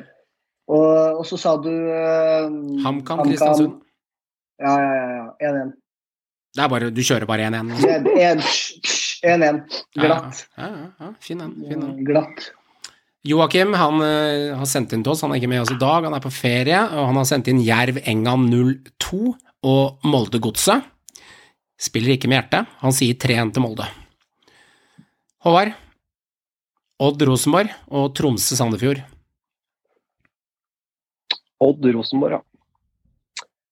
Nei, jeg tror uh, RBK fortsetter å vinne. jeg. Tror det blir 2-1 Altså til, eh, til 1-2. eh, RBK. 1-2, ja. Mhm. Og så var det, Tromsø Sandefjord. det publikumsmagneten Tromsø-Sandefjord, ja. Mhm. Mm, jeg tror det blir en eh, Jeg tror faktisk at guttene vinner nå. Ja. Jeg tror de vinner 3-1. Oi. Oi. Sandefjord. Sandefjord er et sånn vanskelig lag å tippe på, på en måte. Det er, Ja. ja. De er, Bare gamble litt her nå, det er jo det vi driver med her. Men eh, jeg tror at Tromsø vinner. Jeg tror det kommer en seier nå. Ja, riktig. Nå, eh, interessant med Tromsø. De har jo to tap på rad, men før det så spilte Tromsø fem uavgjort på rad. Så, eh, og det var mye sånne kamper de skåra på sluttminuttene, blant annet. Eh, Hadde noen, de hadde noen ekle der. der de, så Tromsø er et ekkelt lag. Hadde mot Lillestrøm, blant annet. Så hadde de mot Viking. Så det er et lag som kan overraske. Men Sandefjord er bra bortover. Ja, jeg, jeg, jeg, jeg, setter 3-1 til Tromsø. Sarp LSK. Eh, Sarp er i dårlig form. Eh, Lillestrøm har to seier og to tap der, og eh, dette er Eliteserien. Eh, og i Eliteserien kan alt skje, så jeg tipper, eh, tipper, tipper, tipper 3-2 eh, til Sa- Sarp slår Lillestrøm 3-2. Det er litt sånn at du også tipper den, Merando, så, men jeg, jeg kjører 3-2 der, for det er så typisk at nå avskriver vi Sarp litt. Og så er Eliteserien er, er så jevn som den er, så da, da kjører vi en 3-2. Ja, alt. Alt kan skje. Og Kristiansund-Tromsø. Eh, jeg velger å tro at Kristiansund får sin første seier, og da tror jeg det blir 2-1 til Kristiansund over Tromsø. Så eh, da, ligger, da, da lar vi resultatene ligge der, og eh, satser på at alle får en god runde. Og i det øyeblikket så tikker Atta inn til oss. Du, Atta, du har jo um, solgt eh, JP Hauge, Patrick Berg, Fredrik Bjørkan og Adek Bendro det siste året. Og i stallen din så besitter du annet uh, Accor Adams, Dattero Fofana, Boniface og høyaktuelle Salvesen, som uh, akkurat nå uh, kanskje pakker bagen for å reise nordover. Så noe hottere enn deg, Anna Eke, rett før overgangsvinduet åpner, det er jo vanskelig å komme. Takk for den, takk for den. Glemte Antonio Nyssa oppi det også. Det var jo også et veldig stort salg. Ja, deilig. Det var det. Godt salg, veldig godt salg. Velkommen, velkommen som gjest i dag. Det er herlig å få deg inn etter en eh, 45 minutters eh, times tid spilletid. Jo, takk, takk, takk. Det er en glede å, å være med. Sett fram til det. Ja, Veldig, veldig hyggelig. Jeg var og søkte litt på Spotify, og da tok jeg og um, søkte bare Atan Eke, for jeg veit at på Spotify, så uh, hvis du søker på fotballspillere eller agenter eller Harald Brattbakk eller Sigurd Rushfeldt, så får du ofte opp podcaster der folk har vært med, siden personen er linket gjennom podene. Eh, og Det fant jeg ikke så mange podcaster, men jeg fant søren meg spillista di, der hvor du hadde litt følgere og litt kul musikk, så jeg begynte å høre på spillista. Der var det Last Last med Burna Boy, Emil O. Khan med Q-Dot og This, This Year med Small Doctor. Og jeg tenkte at her var det rytmer og good feeling, og jeg fikk en sånn sommervibe, så er det en ny side av deg som er litt ukjent. Ja, jeg driver ikke med noe Den spillelisten er kun for eh, når jeg sitter i bilen og går tom for podkast. Litt sånn, altså, jeg har ikke noen sånn ambisjoner om noe musikkopplegg her. Men, eh, men ja, det går, eh, det går i litt eh, nigeriansk musikk og, og litt norsk eh, hiphop, eh, rap, R&B og, og litt sånn òg. Men eh, mye nigeriansk musikk, og det er jo virkelig tatt eh, verden med storm, nigeriansk musikk. Og Burna Boy var jo akkurat og spilte på Kadetten òg, så, så det. Kult. Men Atta, det, det må jo være travle dager for deg nå. Det er, nesten, eh, det er jo helt rått at du tar deg tid til å sitte deg ned og prate litt med oss. For du er vel kanskje på vei til et fly, du. Kanskje allerede i kveld eller i morgen tidlig?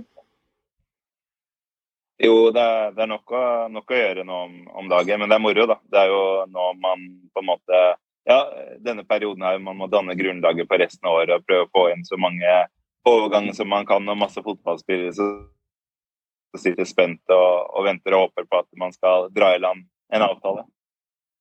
Og Sist vi snakka med deg, Atta, så har det jo skjedd litt av hvert. og Du var jo en, en, ja, en velkjent eh, herremann, agent på den tiden også, og, og, og begynte å virkelig få et, få et navn. Og, og nå er du jo på en måte ja, jeg vil jo si Du er jo nesten Norges mest kjente agent, og du har jo fryktelig mange spillere i stallen din, både inn- og utland. Og Hvordan har du liksom jobba kategorisk nå de siste årene for å på en måte få den posisjonen?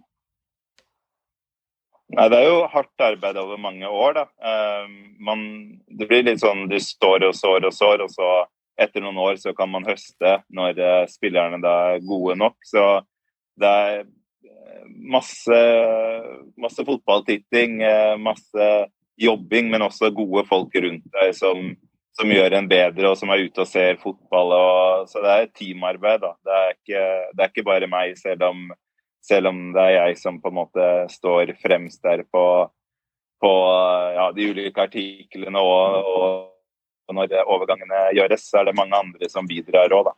Så det vil si at det, det er hard jobbing over mange år.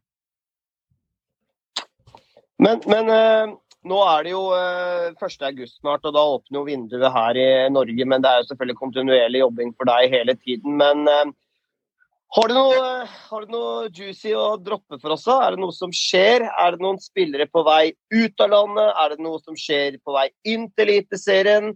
Eh, Jeg er også spent litt på, på hvordan, hvordan tror du de norske klubbene jobber nå inn mot vinduet? Med salg, eh, med salg og også da å hente spillere. For jeg vil jo tro både i topp og bunn er det masse klubber som må forsterke seg. Men også kanskje noen må selge for at det er røde tall osv.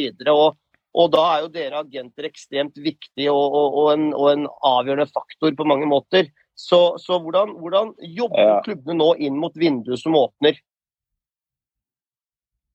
Jeg tror klubbene har holdt på en god stund nå. eh, Og i og med at vinduet vårt åpner så sent som det gjør, eh, 1.8, når det åpnet for en, flere uker siden i de fleste andre europeiske land, så sitter man og håper på en del spillere eh, som kanskje er litt uoppnåelige nå, men som kanskje blir oppnåelige litt, litt senere nå i august. Eh, så det arbeidet tror jeg man har startet med for, for lenge siden. Jeg har ja, når du spør om juicy noe, noe sladder det er, De fleste er ganske kjent allerede. Du har uh, Salvesen uh, som eh, flytter på seg. Du har uh, Isak Dybuk Mette i Ålesund, en annen spiller her, som flytter på seg. Og så har du naturlige konsekvenser av det igjen. At da trenger Godset spiss. og Ålesund trenger ny venstre bekk og, og, litt sånn også. Alle klubber og føler ja, 50-60% av eliteserien ser jo etter en god spiss. Så det er det alle, alle ser etter. Så du kan egentlig nesten bekrefte nå at uh, Lars Jørgen Salvesen har spilt sin siste kamp for Godset og, og, er på flyet til Bodø i morgen? Ja, eller i hvert fall så, så Jeg vet ikke helt om han har spilt den siste, for vinduet åpner jo på mandag, er det vel, første. Og det er jo en eliteserierunde nå mm. til helgen, så man spiller den før man drar eller ikke. Så, så ja, men mye tyder jo på at uh, han har spilt siste kamp på og er på vei til, uh, til Bodø. Det, det, var, det var rett i det. Og Mette Ålesund, eh, mange har snakket om han, ekstrem fart, hatt har god utvikling det siste året. Hvor havna han? Det har vært rykter om Molde, også vært rykter om noe utenlands, men du har svaret? Ja, men det er ikke helt satt der ennå, fordi Ålesund har ikke spikret noen avtale med noen eh, klubber eh, ennå. Jeg så Groningen var nevnt.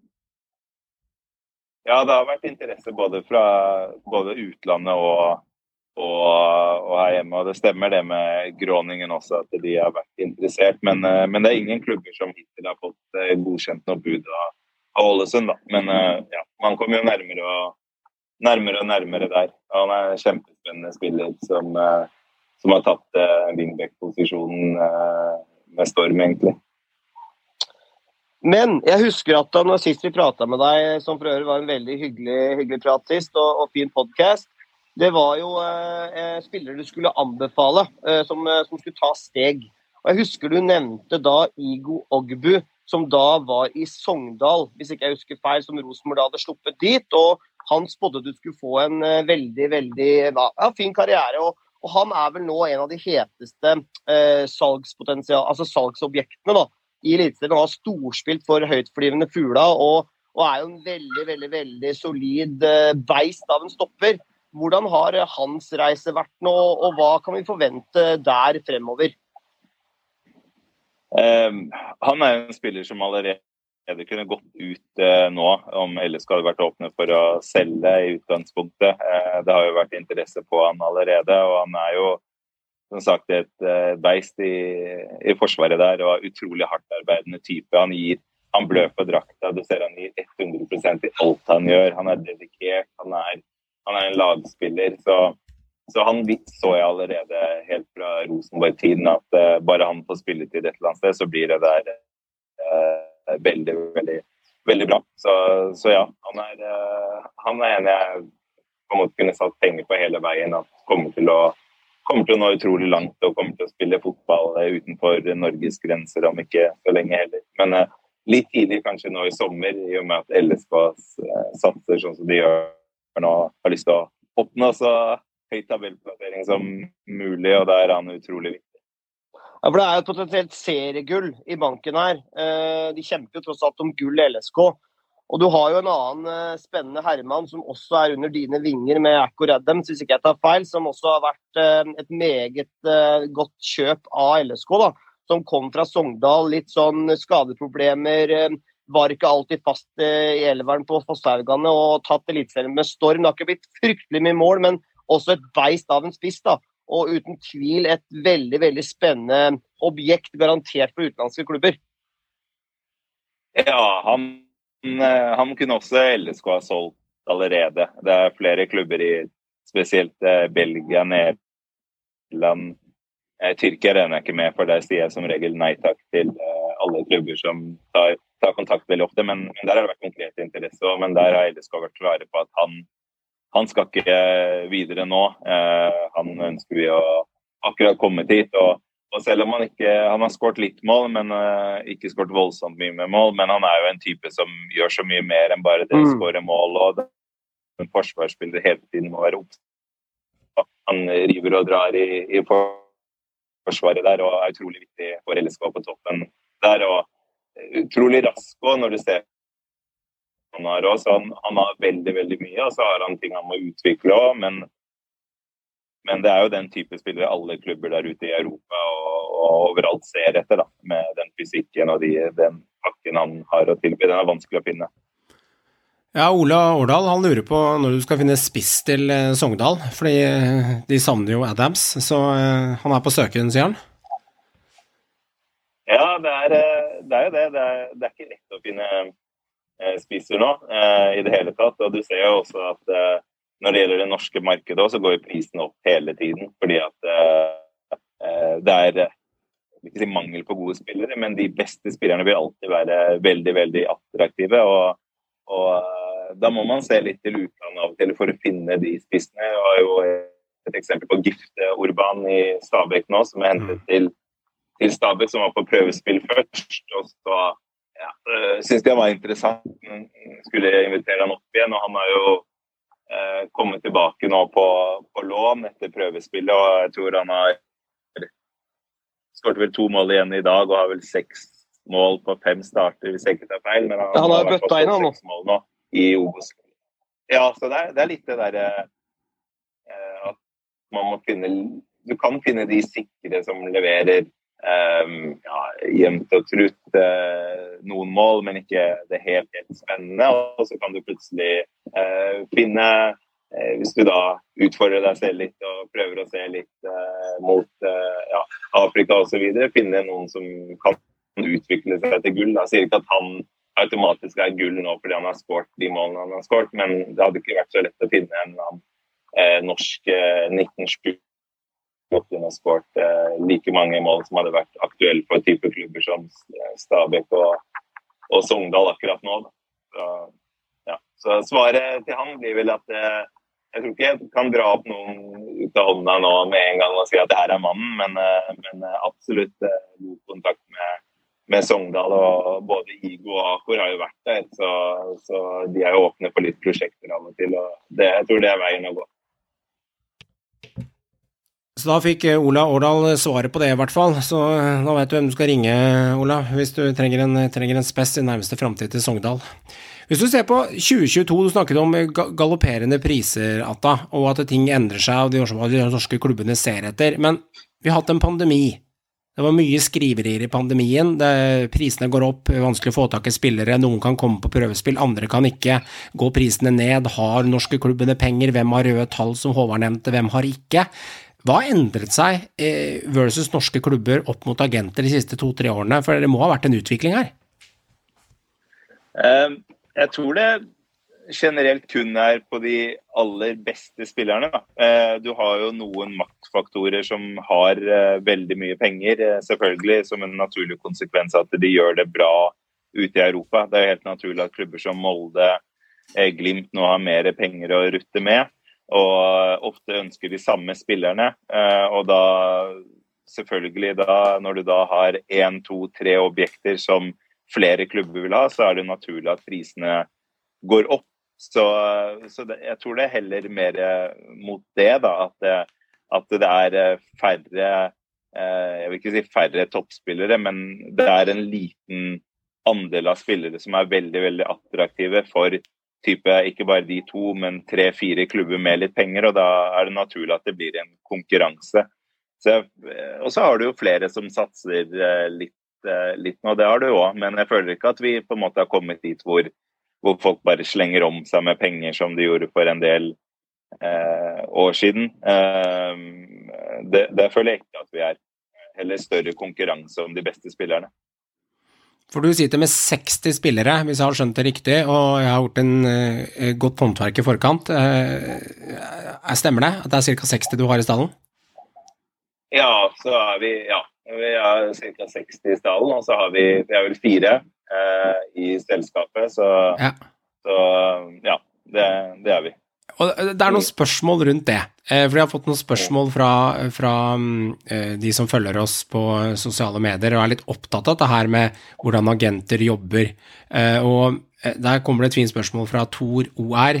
Eh, Spør om forholdet med karriereplanlegging når man eventuelt drar til utlandet, valg av klubb, spillestil. Er det opp til spilleren, eller er det noe han legger eh, mye vekt på opp mot unge spillere, og hvor mye styrer eventuelt en agent med dette? Hvor hands on er du versus hans egen personlige preferanser der, da?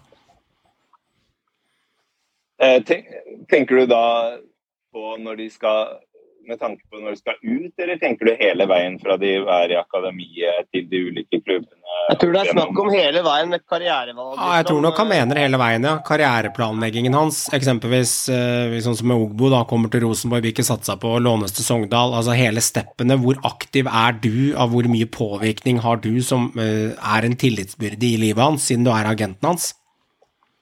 Ja, Vi har jo en veldig viktig rolle, eh, det har vi uten tvil. Men eh, også det at man lytter til eh, Jeg er åpen og ydmyk på at eh, som agent så, så, har du et stort ansvar, og du skal også lytte til eh, andre med sterk fotballfaglig eh, si, kapasitet eller kunnskap òg. Så, så, jeg er veldig ofte der at når jeg skal flytte en profilert spiller, så kan jeg godt finne på Han er landslagsaktuell så eh, kan jeg godt finne på å ringe folk eh, i og rundt landslaget, eh, trenere der, for å høre hva de mener. Eh, ja, på de ulike alternativene vi har. Og også på, på Ingres, hvor du da snakker tett med de trenerne de har. Eh, du har også egne tanker, du snakker med foreldre, og alle er jo forskjellige. Da. Du har noen, mm.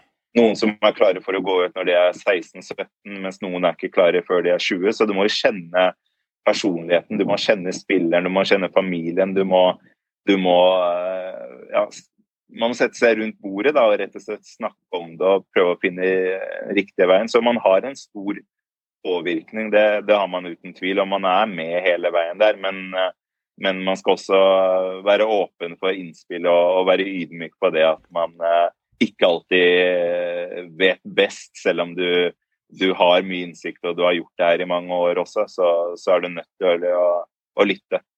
Ja, for, for, for, Testig, som sendte inn et spørsmål til deg, Håvard, på Twitter, han, han, går enda litt dypere på den der. I, I, hvilken grad gjør en agent eventuelt og bremser en spiller som vil på nye eventyr i utlandet?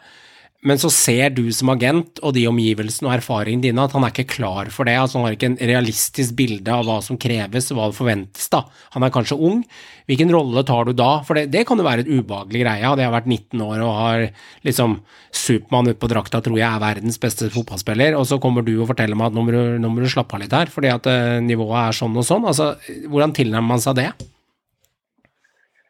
Veldig ofte så er, så er, det egentlig en naturlig ting som skjer ved at det, det er veldig vanskelig å komme seg ut da, eh, til utlandet. Det er ikke mm. sånn at bare du har lyst til å komme deg ut, så står klubbene klare der. Du må jo ha utmerket deg veldig eh, på eh, landslagsnivå på yngres eller i ligaen eh, osv. Det, det er ikke veldig ofte du bare kommer ut eh, basert på kun fordi du har lyst. Da. Du må, du må ha vist noe eksepsjonelt der før du blir plukket opp. og du må huske at i de landene der ute, om det er Nederland, Frankrike, Belgia, så, så er det jo flust med store talenter der òg. Så det nåløyet er jo trangt, det å komme seg ut. Men selvfølgelig så hender det jo at vi har spillere som da mener de er gode nok til å komme seg ut, og så må vi si at eh, du, eh, akkurat nå så tror ikke vi at det vil være særlig stor interesse for deg der ute. Men du er nødt til å, å heller prøve å slå gjennom her hjemme før du tar det steget ut. Så, så det, det gjør man. Man brenser det av og til, men litt mer naturlig. da, eh, Hvor man da forteller om ja, eh, mulig interesse eller ikke. da. Eh, det er mer den veien, vil jeg si. Men er litt sånn nysgjerrig på det med, med, pris. Eh, eh, det har jo vært en del store salg fra Eliteserien, eh, altså ut fra ligaen vår. Jeg tenker først og fremst kanskje på Botheim og Berg, og det har vært, det har vært noen store salg. da. Kanskje litt sånn altså, det, har vært, det har vært høyere pris enn på mange år, føler jeg. da. Og, og, og, og, hva har skjedd der, liksom? Er det litt sånn tilfeldig, som du sier, at rike klubber har på en måte kasta seg på? Så, eller har det mye med Glimt å gjøre, prestasjoner i Europa? Eller, Braut, f.eks. Eller Braut Haaland i utlandet, Sørloth i Tyrkia. At det er det er fremtredende norske spillere. Har, det, har, det, har det øynene på en måte kommet mer på norsk fotball igjen enn, enn tidligere? Ja, definitivt. Jeg tror det er en kombinasjon. At du har hatt Ødegaard, du har hatt Braut. Eh, du har hatt de spillerne der som har gjort det veldig bra der ute. Men så har det også at norske klubblag som har vist i Europa at de absolutt har noe der å gjøre. Du har Glimt og Molde som har hatt gode resultater. Og det igjen vil jo gjøre det eh, at klubber da har øynene på den norske ligaen og tenker at hm, her kan vi faktisk finne spillere som kan komme og utgjøre en forskjell og som holder et høyt nivå. Så jeg vil si det absolutt er en kombinasjon av, av det. Um, men så ja, det, så prisen, eh, når du ser på Patrick Berg, da, som går for det han går for, og det var Botheim Det var jo riktignok Russland, så der, der eh, Men det var jo en del interesse rundt han nå. Eh, så, så, så, har prisene gått opp, ja. Eh, men litt sånn som jeg diskuterer av og til, og jeg føler ofte at det, er et veldig stort press nå når norske spillere gjør det godt i ligaen. Alle er der at de må gå til topp fem-ligaer.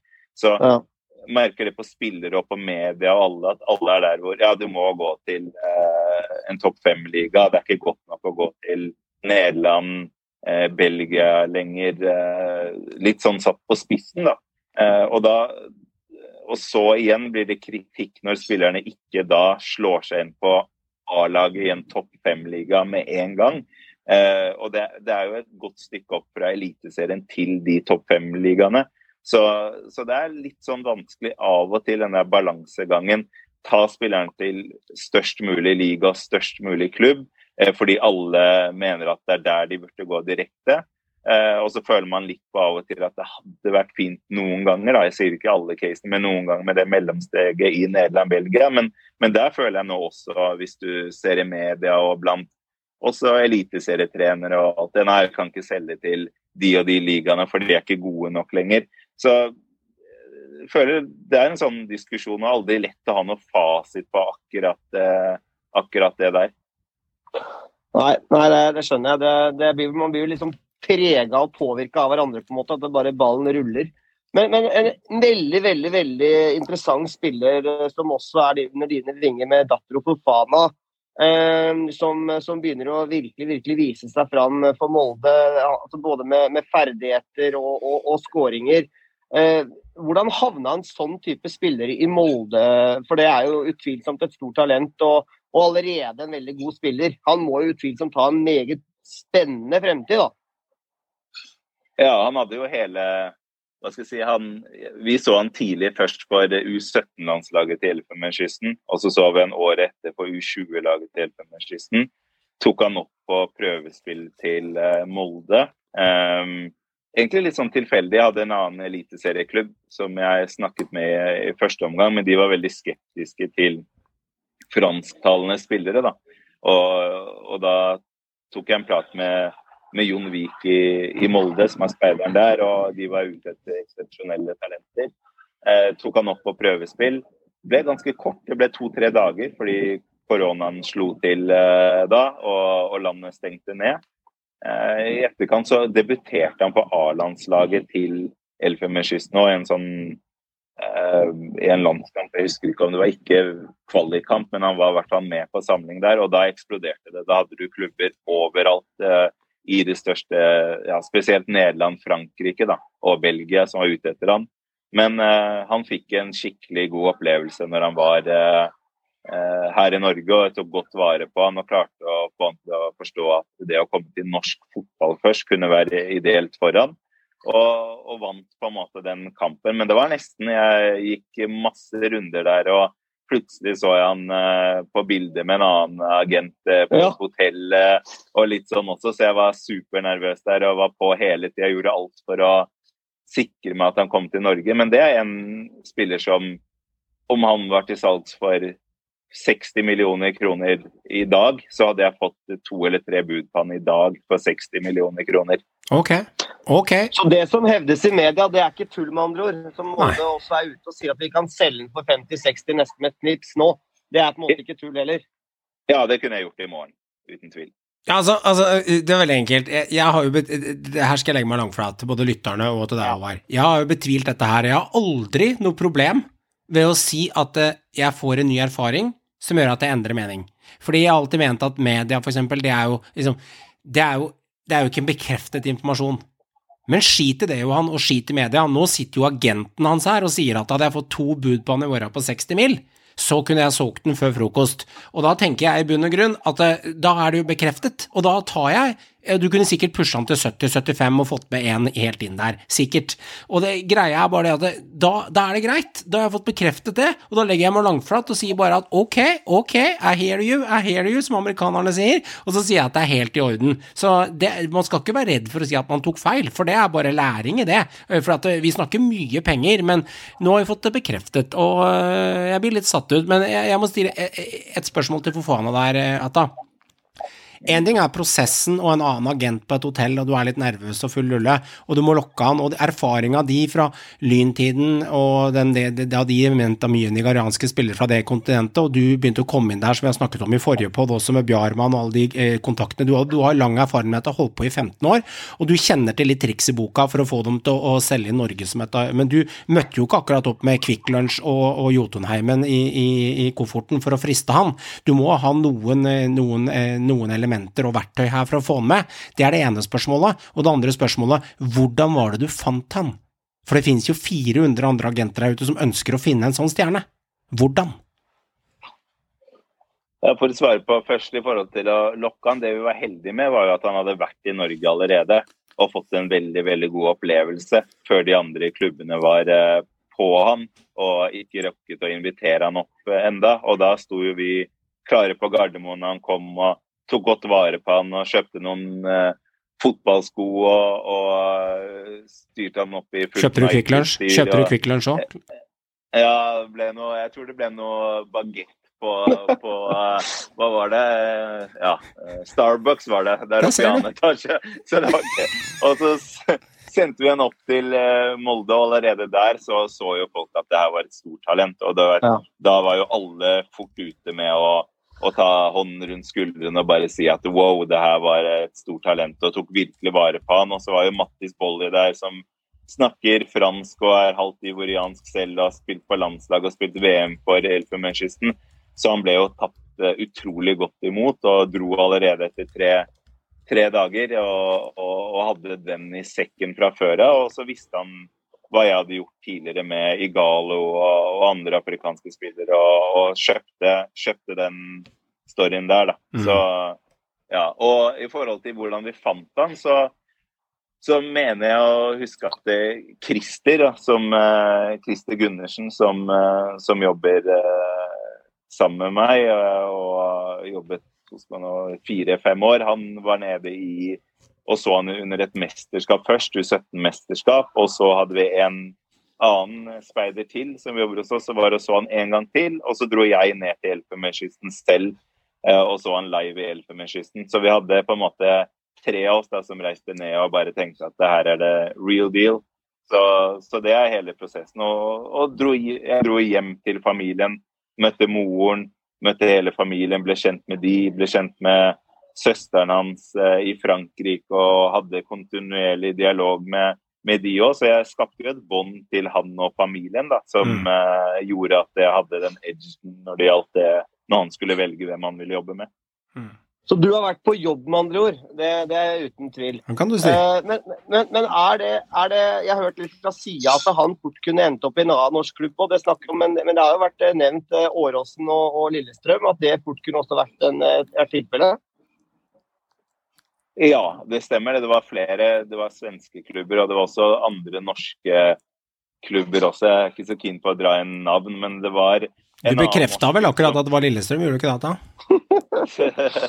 Men det var i hvert fall en annen norsk klubb som jeg som hadde en annen agent, da, som Ja. driver med en del uh, fransktalende afrikanere som også var, var på og ønsket å sikre seg han, og det var ikke via meg. Så hvis han da hadde endt opp i den andre klubben, og det ikke LSK da, så hadde jeg på en måte vært ute av bildet. da. Så, jeg, så ja, det var eh, flere som eh, så han etter hvert der, så det var en ordentlig, ordentlig kamp om å få han. Det var, eh, det var søvnløse netter og masse telefoner. Og jeg, satt, jeg husker faktisk jeg satt på julaften eh, når vi eh, det jeg skulle spise middag, og jeg plutselig så det der bildet av han med en annen agent på, på et hotell nede i Elfenbenskysten. Og jeg, jeg ble helt Jeg begynte å kaldsvette, og jeg bare måtte bare ut, på en måte. Og, og gikk ut der og, og satt på do for ikke å irritere resten av familien. Og, og ringte og bare 'Hva er det her? Hva er det som skjer?' Vi må, vi må fikse det her. Og sendte av gårde han som jobber eh, sammen med og ned for å fikse det her. Og ringte han febrilsk. Så, så ja. Du ber litt som han derre guttungen som uh, mista dama på julaften som 17-åring, og så og satt du der på do for å begynne å grine og ringe dama og si «Ja, 'Du får gjøre det slutt på julaften, hva er dette for noe tull?' Og jeg som var så glad i deg. Det var den følelsen, eller? Ja, det var den, det var den følelsen. Det var eh, Du vet når du har lagt så mye i det, da. Du kan tenke deg, du har vært der nede. ja, Det er tredje gang dere er der nede og ser. Du har vært og besøkt familien der. Du har brukt utallige timer på å prate med han og familien og alt mulig. Så du føler jo Du ser jo alt du har jobbet for å slippe gjennom hendene, og du tenker Ja. på den telefonsamtalen når du skal ringe til eh, klubben som er interessert og si sorry, jeg har ikke kontroll på han allikevel. Man blir jo seende ut som en idiot, da. Så, så den der var eh, hadde vært tung å, tung å svelge. Mm. Men, men måten han, pre han presenterte seg da på den store scenen og nærmest skåre i debuten mot Hoffenheim, for det, han hadde kanskje hatt noen kamper før det, men da det var jo virkelig på den store scenen som 18-åring han satte det målet mot Hoffenheim når Molde da slo de ut. Det må ha vært en helt syk følelse for deg som agent også, å se han da allerede presentere seg. Men så var det jo da en- altså, Det var jo mange som kanskje forventa at han skulle på en måte presentere seg og, og nesten herje allerede i fjor, og så butta det litt for han. Hvordan er det du jobber da, eh, eller generelt da med spillere som kanskje er liksom Folk har sett for seg, de er hypa i media, stort talent, han her kommer til å breake i år, og så på en måte butter det litt. Hvordan jobber du da? Han er i et nytt land, fremmed eh, språk osv. Det må jo være en, en vanskelig side av jobben da, å på en måte holde motet oppå den biten der. Ja, eh, men der vil jeg også berømme han. Da, fordi han, han har vært så utrolig positiv gjennom hele den prosessen som har vært. og vært sånn Ja, men det kommer til å snu, det kommer til å snu. Og ja, jeg vet det. Molde er en storklubb, og tiden min kommer. Han har vært der hele tiden. Men selvfølgelig så var jeg nødt til å backe han opp og ringe han og besøke han og, og snakke med familien og berolige de på at, eh, på at han kommer. eh, Og og han, Det var en periode hvor han ikke spilte noe særlig, og du så at hver eneste gang han kom innpå, da, så hadde han den der hvor han ønsket å vise alt han hadde på de 10-15-20 minuttene han Mm. fikk. Så, så det ble sånn eh, ble egoistisk og, og, og, og ville vise alt på en gang. og ble en annen spiller da, ikke sant? Så, så Mm. det han trengte Han startet veldig bra i preseason foran denne sesongen. og og, og leverte i preseason-kampene. og Så fikk Ja. han den skaden, og så starta han ikke så skarpt når sesongen starta. Og, og litt sånn moro Jeg har jo eh, Det er en som er skikkelig LSK-fan, eh, venn av meg på Facebook, og han, han kona hans er Molde-fan, så, så første gangen eh, når eh, så Mista vi litt eh, lyd? Kommer nok tilbake der, ja. Midt i ja, litt av god så eh, skjedde litt lyd her. Jeg får bare smøre oss med tålmodighet, jeg. jeg. Så du satt som et eh, tent lys, Håvard, og koste deg nå. Ja, veldig interessant å høre på Atta fortelle. og altså For, eh, for en reise, for et liv. og for altså det Julaften var dette her, når dette her skjer. Altså Dette er jo som å åpne pakker eh, flere ganger i uka. Ja, det er, det, og det høres ut som det er tatt rett fra en sånn amerikansk film. Altså sånn ja, nå kommer en melding på julaften, og så, og så får jeg den meldinga fra familien, og så skjer det ting her. Altså Jerry Maguire blir jo barnemat i forhold til, eh, til hva Atta opplever i real life. Ja, det er litt sånn. Jeg, jeg tenkte et lite øyeblikk. Jeg tenkte, eh, der var du tilbake, Ata. Jeg Hører du meg beklager. Ja, du var Ja. midt i det paret med Lillestrøm og Molde-supporter. Ja, nei, så, så fikk jeg en, eh, en melding da, hvor eh, han skrev at kona sier du må skaffe Molde en ny, ny spiss. Og så sier jeg at eh, nei, men for faen, han blir bra. Jeg, nei, kona har null tro på det her. Og, og det, her, det her er ikke bra nok. Og hun sier han ser elendig ut og, og alt det. Og så venter jeg, venter jeg litt, da. Og så bare tenker jeg denne her skal jeg save. Det her er motivasjon når noen sier det de sier. Så skårer han to-tre mål, og så skriver jeg tilbake ja, mener kona det samme enda? Og så bare nei, nå mener kona han er dritgod. Og så hadde han en liten dupp igjen, og så sender han meg melding igjen. Nei, det her ser ikke, ser ikke bra ut uh, i det hele tatt. Og da, da bare venter jeg, da gadd jeg ikke å svare engang. Og så nå har jeg bare fått melding ja, kona er helt frelst, og han ser jo dritgod ut og litt sånn. Og, men, men for meg så tar jeg personlig eierskap i de her tingene. Så når jeg kommer med en spiller og virkelig ha troen på han, og jeg var jo litt sånn eh, vanligvis når du spør meg om prøvespillere og nye afrikanske spillere, så pleier jeg alltid å si ja, vi må vente og se og være litt sånn diplomatisk og, og ikke gå så høyt ut. Men med Fofana så sa jeg jo at vi var heldige som hadde han i norsk fotball, og at det, det var utrolig at han kom til Norge. da, Så jeg hadde jo vært litt høyt ute i media der og føler på en måte at jeg har lagt hodet på blokka når det gjelder han. da, Så da er det jo ekstra moro at han leverer. Ja, Det må jo være helt rått for deg. Og Vi snakker om julaften her. Er nesten, det er julaften hver dag når sånne ting eh, skjer. Eh, Men, men eh, spennende her, Atta. Vi snakker om spillere på vei ut av landet nå. Men, men har du noe, noe spennende på vei inn til den kjære ligaen vår? Er det noe som kommer til å kanskje skje allerede i, i vinduet nå? Og det er jo mange klubber som nevnt som, som leter etter spiss, da. Eh, Eller, eller, eller stopper, for den saks skyld. Eh, Er det noe som kommer til å skje inn til ligaen vår nå eh, i vinduet? Nei, jeg jobber jo hele tiden med å prøve å hente inn nye spillere også. Um, man gjør jo det. Så om det er eh, noen norske spillere som er der ute som nødvendigvis store profiler som akkurat nå ikke spiller, så kan det være jeg jobber med, med, med noe sånn. Jeg har ikke lyst til å si så mye om akkurat, eh, akkurat eh, det, men eh, men uh, også er det noen prøvespillere, et par stykker som trener med Stabæk nå, et par stykker som skal trene med Lillestrøm og litt sånn også. Så, så har ikke noe sånn noen store nyheter å, å, dele akkurat nå på det, men, men, det kan være etter hvert nå de nærmeste ukene at det, det skjer litt spennende ting på overgangsfronten. og Da, da kan vi jo snakke om snakke om det igjen en annen Ja. ja. Ja, for det er jo mange som lurer på Vi fikk jo så sin bekreftelse etterpå, men altså, Salvesen er, kommer til å bli Glimt-spiller. Har jeg forstått det korrekt? Ja, det, er, eh, det ser ut som han kommer til å bli, bli Glimt-spiller. Det ser sånn ut. Alt er jo ikke på plass, du vet. Det er jo fremdeles uh, ting som må, må på plass der og, og, og så videre. Men, men det, det kan se sånn ut, ja. Jeg kan ikke si noe annet. Mm. Men, men, men eh, interessant der. Du har jo en annen spiller i Glimt eh, som, med Victor Boniface. Og stemmer ikke det? Han er også under din, i din stall. Stemmer. Ja, og Det blir jo da Salvesen blir plutselig da en konkurrent da, til Victor Boniface. Og, og, og Hvordan tenker egentlig Glimt Altså, Nå er ikke dette formalis, formalisert seg ennå, det er, han, han er ikke posert med Glimt. Men la oss Jo da, han blir klar. Han sa jo det. Han Ja, blir klar. Når er det du snakker om, Han blir klar. Men eh, plutselig så er det jo tre spisser oppe i Bodø der. altså, hva tenker Glimt rundt det? Vi får, vi får se om det er tre spisser på mandag, sier jeg. Ja. Ok, ok, ok, og da holder jeg den der. Eh, For at det, du har jo kontroll på Salvesen, og du, du har jo ikke tenkt å selge han etter fem dager igjen. Han må jo få lov til å kjøpe seg leilighet og hus og første softisen i nord. Eh. Så da er det spørsmål om Boniface. Eh, betyr det at Uten at du trenger å avbekrefte på vei bort. Ja, ja, ja, vi får se. Betyr det også kanskje at det ligger noe i lupen for Boniface her som du jobber med, Atta, i disse dager?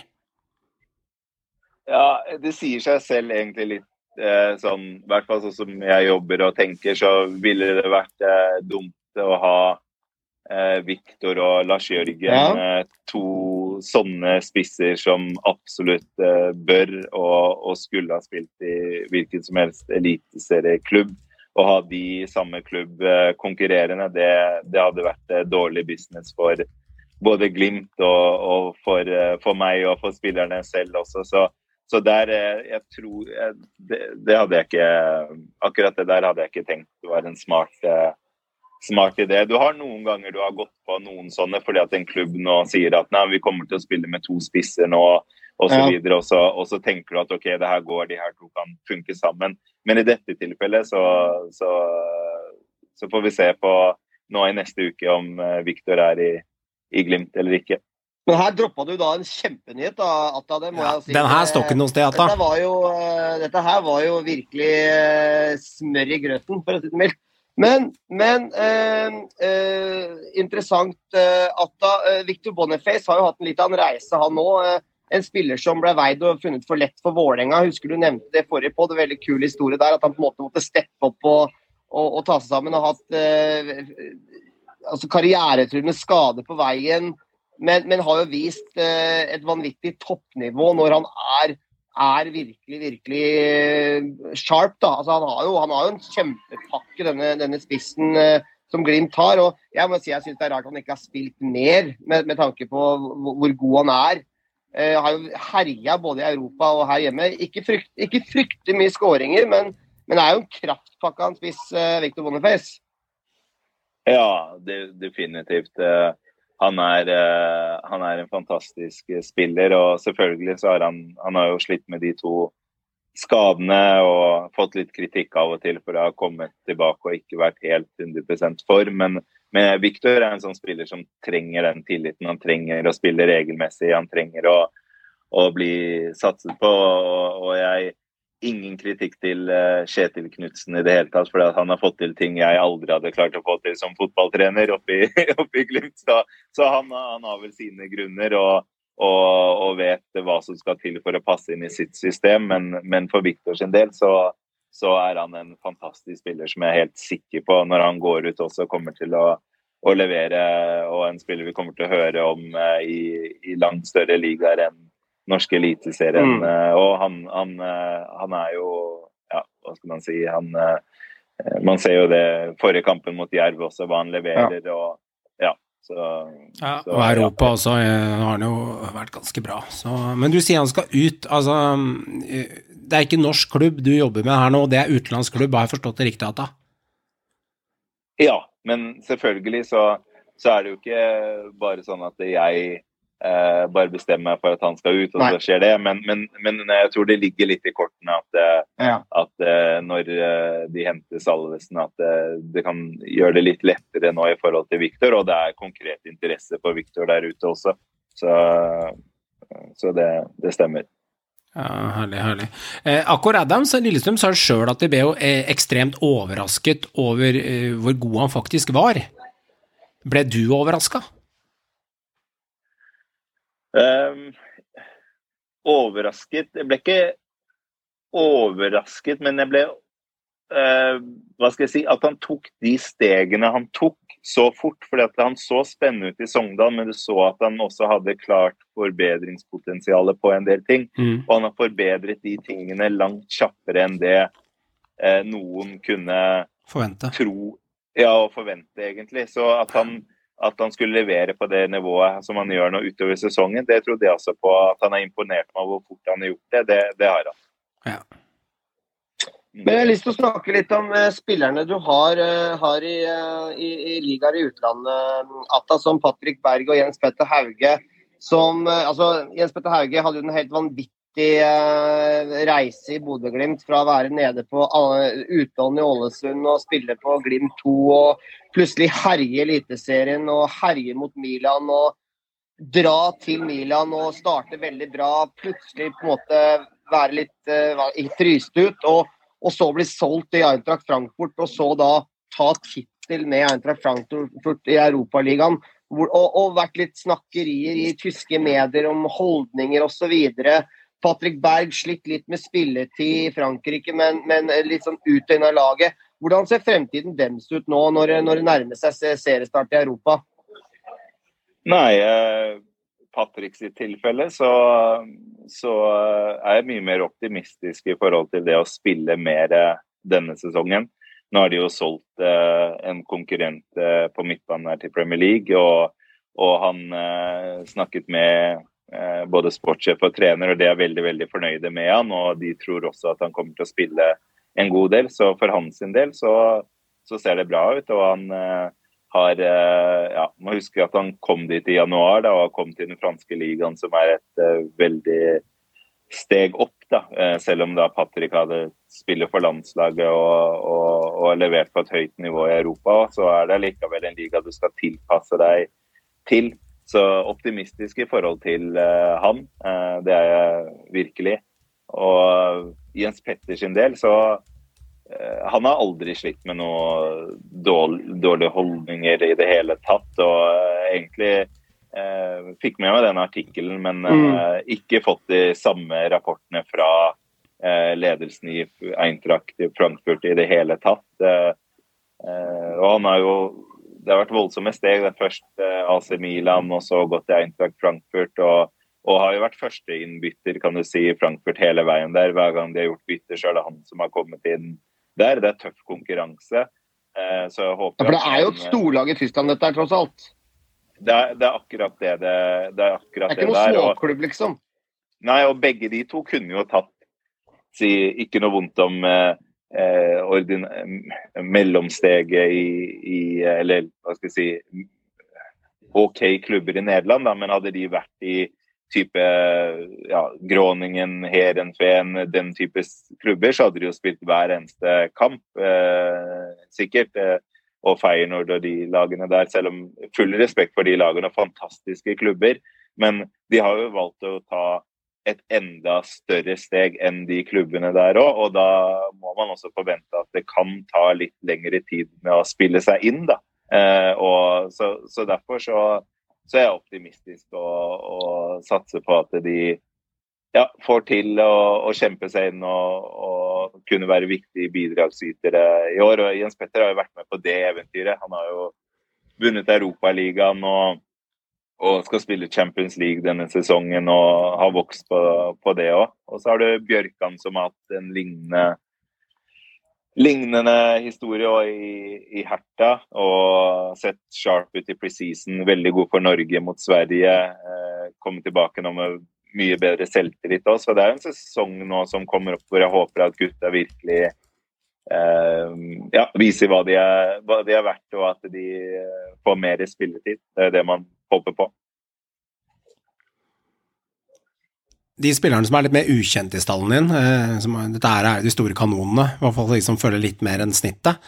Hvem er det vi skal se opp for de første neste, neste året, eller neste par åra, som eh, du veit om i din stall, som kanskje ikke er kjent på allmennmunnen? Ja, det er flere, men du har en Jakob eh, Emil Dikko Eng i Vålerenga. Mm. Uh, han, uh, han kommer til å bli eh, enorm. eh, Følg med på han. Eh, de, Allerede presentert seg litt, han faktisk. ja, men han, han har så mye inne. Han, han, har, eh, han har et veldig, veldig stort talent og er en fantastisk gutt. Og, og han, han er en som virkelig kommer til å vise seg fram. Du har en Markus Seimonsen, 2007-spiss i Stabekk, som var med på første tur nå med A-laget Jeg har satt på benken nå mot Sogndal. Veldig spennende spiller som allerede har vært og trent med Ajax og en god del storklubber ute i Europa vil ha på prøvespill. Du har en Jasper Silva i, i start, keeperen, som eh, nå har holdt nullen en god del eh, eh, kamper og er eh, god eh, og veldig, veldig spennende talent. Du har, det, er flere, det er flere spillere nå må ikke de spillerne jeg ikke nevner nå, tro at jeg ikke har tro på de, men Nei, det, det skjønner det er de. Det skjønner de. Ja, det er jo flere, flere navn der, men, men, eh, men ja, de, de spillerne der er virkelig spillere man må holde øynene opp for. Og så er det jo litt eh, overraskende at Gift eh, Orban har levert så mye som han har levert på kort tid etter å ha vært i Norge noen uker og skårer i hver eneste kamp i Obos-ligaen, men litt sånn annen spisstype. Han er ikke den samme spisstypen som, som en del eh, andre afrikanske spillere som med masse kraft og, og fart. Og han er litt mer sånn Veigar Pall Gunnarsson-type spiller. Ja, eh, han da, men, men ja. Mm, men det er, ja. Så det er flere, flere navn, men det er de jeg kommer på, på akkurat eh, nå. Isak Dybuk Mette kjenner jo folk til, og Ja. kanskje han ja, allerede har jo fått et gjennombrudd nå. Og du har jo en, eh, en mini Brautebass ned i start også, som eh, lille, bare lille, er Lillestrøms be- besitning, og lånt ut til start, slitt litt med skader, vært litt eh, prat fram og tilbake. Er etternavnet større enn spilleren, Atta, eller har vi god grunn til å vente noe her? Nei, jeg føler at han virkelig har levert. Han hadde vel elleve mål ganske kjapt i ligaen og skårte vel hver gang han bare var nær ballen. Og så har han hatt en liten periode nå hvor han ikke har skåret før han skårte igjen nå. Ikke forrige kamp, men den før igjen. Og, Mm. og har ekstremferdigheter på en del ting.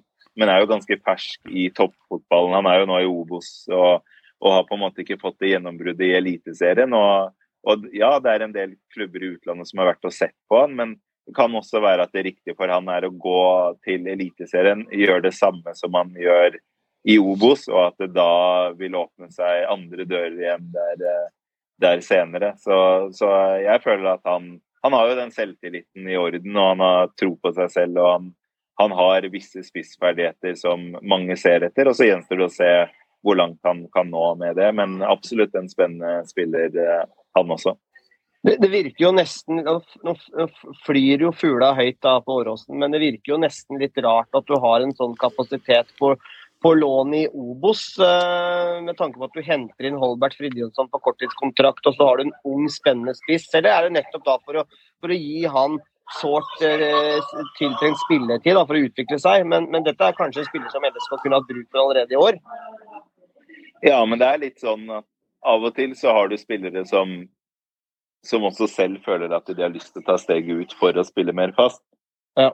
Og da når du har to så gode spillere som det Akor er og, og Jonathan er, så, så, kan det også være at, eh, at, det var riktig det vil jeg si nå, å sende ham på lån. og Han har spilt ja. Eh, fast fra dag én. Og, og, jeg tror hvis du hadde spurt eh, hvem som helst LSK-supporter eh, for eh, før sesongen starter, om de trodde at han kommer til å putte så mange mål som han har gjort og være så fremtredende i Obos, så er det ikke sikkert så mange hadde trodd at og sett på han på den måten der òg. Så, så, det er litt det der å komme seg ut eh, av og til og få, få, den spilletiden, og så ser man hva som virkelig bor i, i spillere. Så jeg føler at det har vært et godt valg eh, mm. av, av, Bakke og Mespin og resten der å sende Jontan på lån. Det, det føler jeg har vært smart egentlig så de, har de også mulighet til å hente han tilbake nå i mm. sommer, mm. om, de, om, de, ønsker det, om det er det riktige for, for ham. Altså, når du selger Hauge, selger Berg, selger Bjørkan og sitter med Ristan, Boniface, eh, Adams, Fofana, Ogbu, Salvesen, som er bekrefta nå Du sitter med et arsenal av spillere, men hvis jeg har lært meg å kjenne deg litt, Data, så er du en konkurranseperson også, og ønsker å legge til rette for spillerne, ikke skuffe spillerne dine, og sørge for å levere det du er ansatt av dem for å levere for, altså jobbe for geitosten og kronene, da. Og det må vel ikke være noe mindre deilig Rocky-følelse du fikk av å vise eh, Rosenborg at når de kvitta seg med Adegbenro for vekslepenger Ja takk, men da selger jeg ham for eh, 30-40 millioner etterpå, rett etterpå fra Sverige, for du visste hva som bodde inn. Hvilken god kjensle er det som agent å levere på et sånt punkt og stå rakrygga igjen og vise at du har gjort jobben for både spilleren og yrkesstoltheten? Det var utrolig deilig, og sånn som du sier, mange ganger så, eller som regel, så man får jo skikkelig eierskap i det, og man blir jo glad i mennesker, og man vil virkelig at de skal lykkes. Og Samuel er jo den type spiller som du bare må bli glad i, som person også. Og han er jo den du må legge armen rundt skulderen. Du er nødt til å prate litt med han. Han, han kan være litt sånn skjør av og til på noen ting, men, men, så lenge du viser han den kjærligheten, så får du så utrolig mye tilbake. Og det er det han trengte hele, hele veien. Og så kan det være at Rosenborg gikk litt lei og tenkte litt at han var en del skadet. Men Stig Torbjørnsen, da, som jobbet i Norrköping, han uh, hadde virkelig troen på deg. Så jeg var veldig glad for at han også tok den sjansen. fordi jeg prøvde jo å få han til klubber der ute, og det var ingen som egentlig eh, trodde at han hadde det i seg. Og endte da som toppskårer i Sverige og ble solgt for 30 millioner etter én sesong i svensk fotball. Det, det, er, det er jo en utrolig deilig følelse. men men eh, jeg er ikke så veldig glad i å slakte klubber og, og, og litt sånn Ja, der tok dere feil. Men mer der De gjorde jo en god jobb og ved at de fikk sikra seg en veldig stor uh, videresalgsprosent. da. Så Rosenborg hadde jo 30 pluss prosenter, så jeg tror også at uh, De tjente 10 mil, altså? De fikk 10 mil for dette her? Ja, det, det, gjorde de. Eh, nå husker jeg ikke regnestykket helt, men de gjorde, de gjorde, nok det. Og, og Mikke var, var, der hele tiden Dorsin, hvor han sa det at eh, jeg tror Samuel kan faktisk gjøre det utrolig bra i svensk fotball, men akkurat her nå så, så går det ikke. og og da, da, ønsker vi en stor videresalgsprosent, for når han eksploderer i Sverige, da vil vi sitte igjen med noe også. Så han skal få litt uh, honnør for, for den okay. der òg, selv om jeg jeg skulle selvfølgelig ha ønsket at, eh, at uh, han kunne ha blitt i Rosenborg. At de hadde på en måte fått det her ut av han som jeg visste han hadde i seg, og som han også hadde vist tidligere, mm. bl.a. i Europa når de møtte Ajax osv. Ja, det var jo syke kamper. Ja, ja. Mm. Eh, for det, det, jeg, må, jeg må skal følge opp den, så skal du ta den etterpå, Håvard. For dette er det jeg mener. Dette er det jeg mener, og gjerne kast dere på her, diskuter det. Og Atta, du vet jo, for du er jo fagmannen her. Vi er bare synserne, og, ikke sant. Vi, vi sitter og snuser og spiser Kvikk Lunsj og tar en øl i ny og ne og koser oss, men du er fagmannen. Og greia er, dette er det jeg mener. I media så har det virket som at Rosenborg satt igjen med ingenting, og det har virket som at Rosenborg var helt håpløse i evalueringen her. Men svaret er jo at Mikke fikk fram 30 stakk av med 10 millioner og ga han en tillit videre. Du gjorde jobben din, du blir happy, Adegbenro blir happy. Og så ser ikke det regnestykket så jæklig håpløst ut med RBK-øyne eller Rosenborg-øyne, fordi media har aldri frontet de 30 -ene. Men her ligger faktisk svaret. Så det er det jeg mener med media, at det blir litt sånn Det er ikke alltid helt 100 sannheten, da, det som kommer fram. Og det, det, det, er greit å få belyst det, da. Sånn, for jeg også var skeptisk ja, til det der.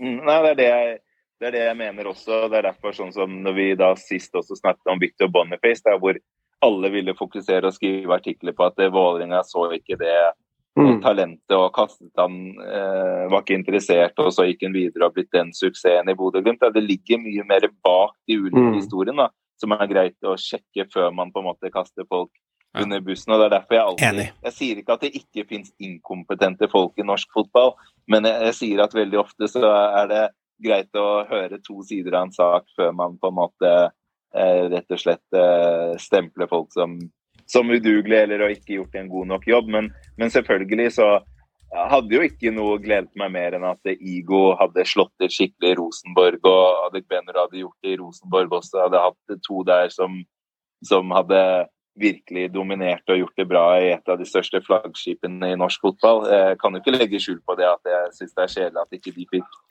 slått ut i full blomst der, da. Det, det syns jeg jo. Mm. Men, men, det var jo tydelig en spiller som kjørte seg fast i Rosenborg, Adek Benero, etter at han herja mot Ajax, og det husker vi jo, Johan. Og, ah, ja. og, du, og du, ja. selv, du, selv, begynte jo å bli lei spilleren. Og, jeg gjorde det. Ikke sant? Med, jeg var veldig irritert, for han, han, stoppet eh, opp, og det var veldig mye greier hele tida. Og, og, han mm. kjørte seg fast og, og fikk det ikke til å flyte og funke i et RBK-lag som sleit. Men det som jeg syns er interessant, det er han er jo brukt som mer rent spiss i Sverige, ble han ikke det? Jo, eh, pga. skader så ble han brukt som rein spiss i Ikke sant? Det er genialt. Så, så, ja. så ja, hvorfor er det ingen som skjønte det her i RBK? Det lurer jeg på. Ja, ja han skårte jo 18 mål på hodet også. Jeg, jeg, nå husker jeg ikke helt, da, men det er mulig å overdrive. Men jeg tror han skårte mer enn 50% av målene på hodet. Nå, nå, kan det være at jeg husker feil, men jeg bare husker at nesten ofte når jeg så kampene, så skårte han med, med hodet. Så, så han, han øh, har jo spilt spiss i Nigeria også før han kom til norsk fotball òg. Så, så, så, ja. Og så tror jeg også at mange klubber har et forbedringspotensial til det å se de ulike individene. da. At det er ikke sånn at alle spillere er like, og at det, det er noen spillere du faktisk må legge inn litt mer ressurser på for å få ut det beste. Og når du faktisk legger inn så mange millioner som du gjør på enkeltspillere òg, så, så, kan det være greit å bruke den. Og det er ikke noe kritikk mot eh, Rosenborg og Adegbenro-tilfellet, men, men veldig ofte ja. ser jeg at eh, ja, generelt at mange klubber har for lett å gi opp mm. enkeltcaser da, fordi de ikke er helt A4. Og da passer det ikke inn, og da er det bare nei, det her, det her funker ikke, eller han er sånn og sånn. Men, men uh, hvis du faktisk tar deg tid til å bli kjent med individet, som jeg må gjøre som agent, da. Jeg må jo behandle mine spillere også på ulike måter. Det er stor forskjell på på de ulike. Eh, og da må du vite hvilke knapper du skal trykke på for å få de til å levere. Og det, og det var jo nettopp eh, Rikard Norling, legenden, da, som, som, som klarte å, å, bruke han på, på, på rett måte. Men, men eh, det, det, ironiske her er jo at RBK sleit jo med spissplassen på den tiden han ja, ja. ikke lyktes som kantspiller. Så, så det, det, det er pussige greier. Altså. For jeg, jeg stussa på det i Sverige, liksom. Han ble jo brukt som nesten rein spiss. Men sier det noe om også da eh, rett liga for spilleren? At eh, det spilles en annen type fotball i Sverige enn det gjør i Norge, da? Ja, men jeg tror også at han hadde kunne gjort det veldig bra som spiss her ja. hjemme også. Eh, og når du sier det med Norling, uh, litt sånn uh, Jeg får litt sånn flashback, fordi vi hadde Jeg var med på deadline day-sending på Eurosport, og så ble jeg spurt om det skjedde noe annet. Og så sa jeg at, eh, at ja, vi har jo en Samuel i Sverige som gjør det bra, og det er interesse rundt eh, det. Og da tydeligvis så plukket svensk medie opp det her. da.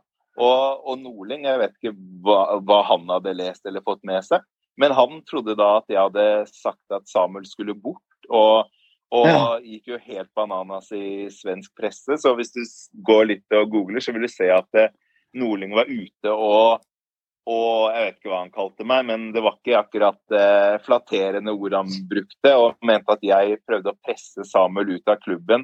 Og det det endte med, da, var at jeg, eh, jeg våknet en morgen, og så står jeg bare fullt av notifications både på Twitter og på Instagram.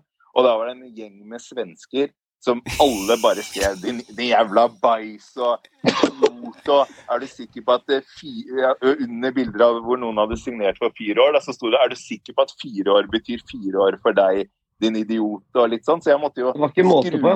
Ja, jeg måtte bare skru av de varslingene. For jeg fikk jo utrolig mye hat fra Sverige de, de, den, den, dagen der. Så Norling Og da, ja, og da gadd ikke jeg å gå ut, for jeg visste at hvis jeg hadde da gått ja, tilbake til svensk presse og på en måte startet en ordkrig der, da, hvor jeg eh, hadde, gått, hadde bare blitt masse fram og tilbake, og det hadde jo aldri tatt, uh, slutt. tatt slutt. Ja, men, uh, så det var litt sånn uh, litt kjedelig, for man er ikke så vant til det hvor du plutselig har fullt av fans og mener at du er verdens verste ja, tulling, holdt jeg på å si. Så, så, men ja, jeg aner ikke hva Nordling Jeg tok jo kontakt med ledelsen i Norrköping og forklarte at jeg, vet ikke helt hvorfor dere er Nei. irritert nå, eller hva som har skjedd. Du kan se klippet her, og så sendte jeg klippet. Jeg har jo ikke sagt noe som helst.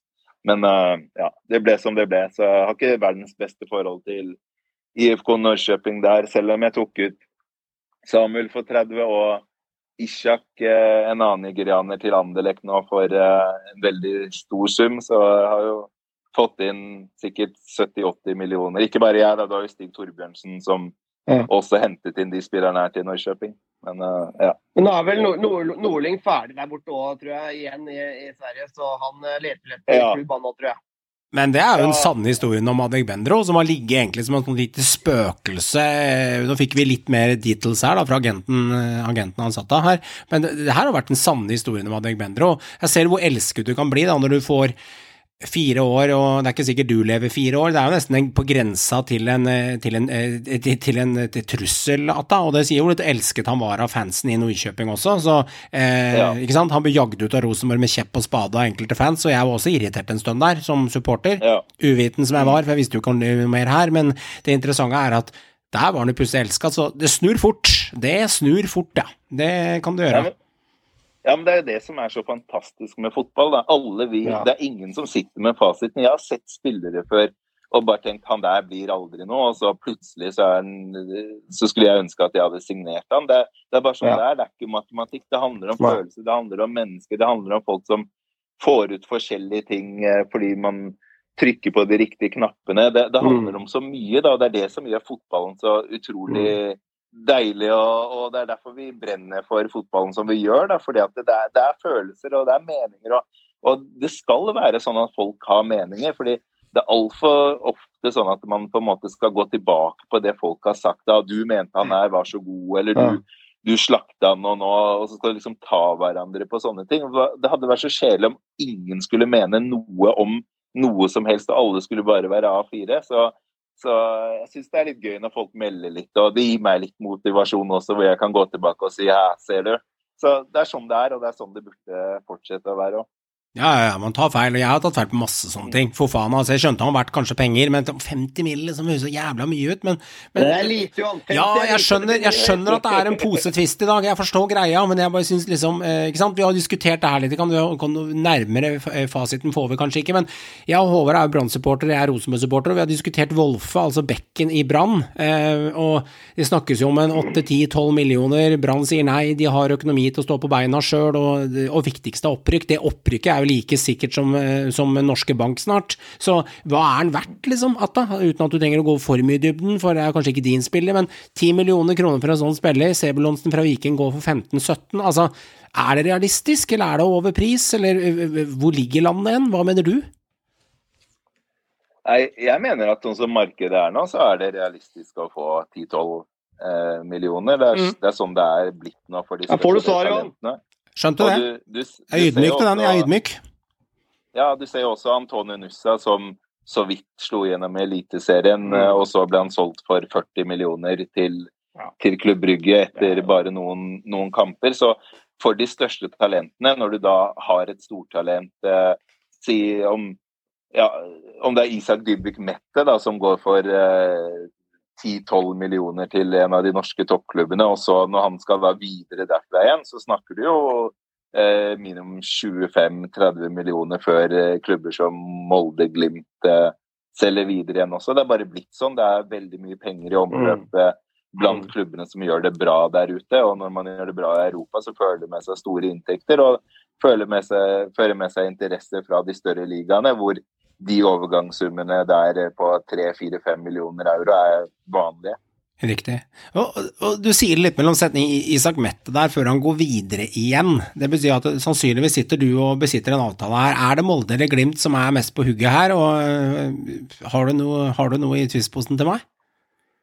Nei, den, den der er fremdeles veldig usikker. Den, den er det. Det er interesse fra, fra flere Er Rosenborg på banen der òg? Eh, den kan jeg faktisk si at det ikke er. Okay. Det er det ikke. Okay. Nei, så Den, så er det der har de dekning, da, Johan, på den siden, på venstresiden. Jeg spør bare kilden sjøl, jeg. Ja. Nei, så, så han eh, der, der håper jeg Eller håper jeg, men jeg tror nok at eh, vi får noen avklaringer på det de nærmeste dagene. Men det ville vært feil av meg å melde nå, for Mm. det, det kan ende med, med hva som helst. Ja, Du har en annen Rosenborg-spiller, for å holde oss litt på RBK. eh, Tagsetten. Lille Ja. eh, søtnosen med krøllene, som er liksom en eh, Rosenborg-favoritt, da, siden han er lokal. Starta bra, vært mye prat om han, og han blir jo sammenligna med den ene og den andre. og Han er jo, er jo trønder sjøl, og kom tilbake igjen fra Liverpool-akademiet. Litt begrensa spilletid, for Pereira er jo en gud på, gud på bekken der, eh, i hvert fall i høy wingback. Og, men Tagstedt kan jo brukes på flere plasser. Og, eh, hvor ligger landet for han, og hva skal til eh, for at han på en måte skal ta neste step og ut der?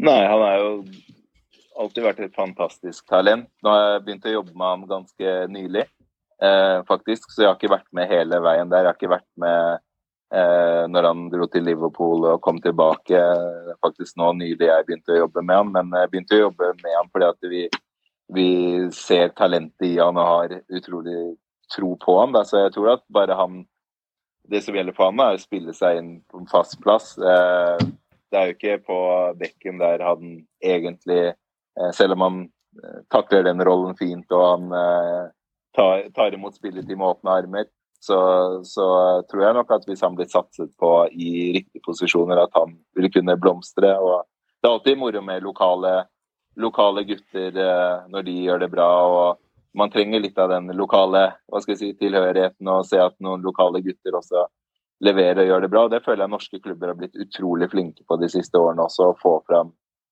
unge, egne spillere opp, eh, opp og fram. Og det er det som skaper entusiasme. og ja, definitivt.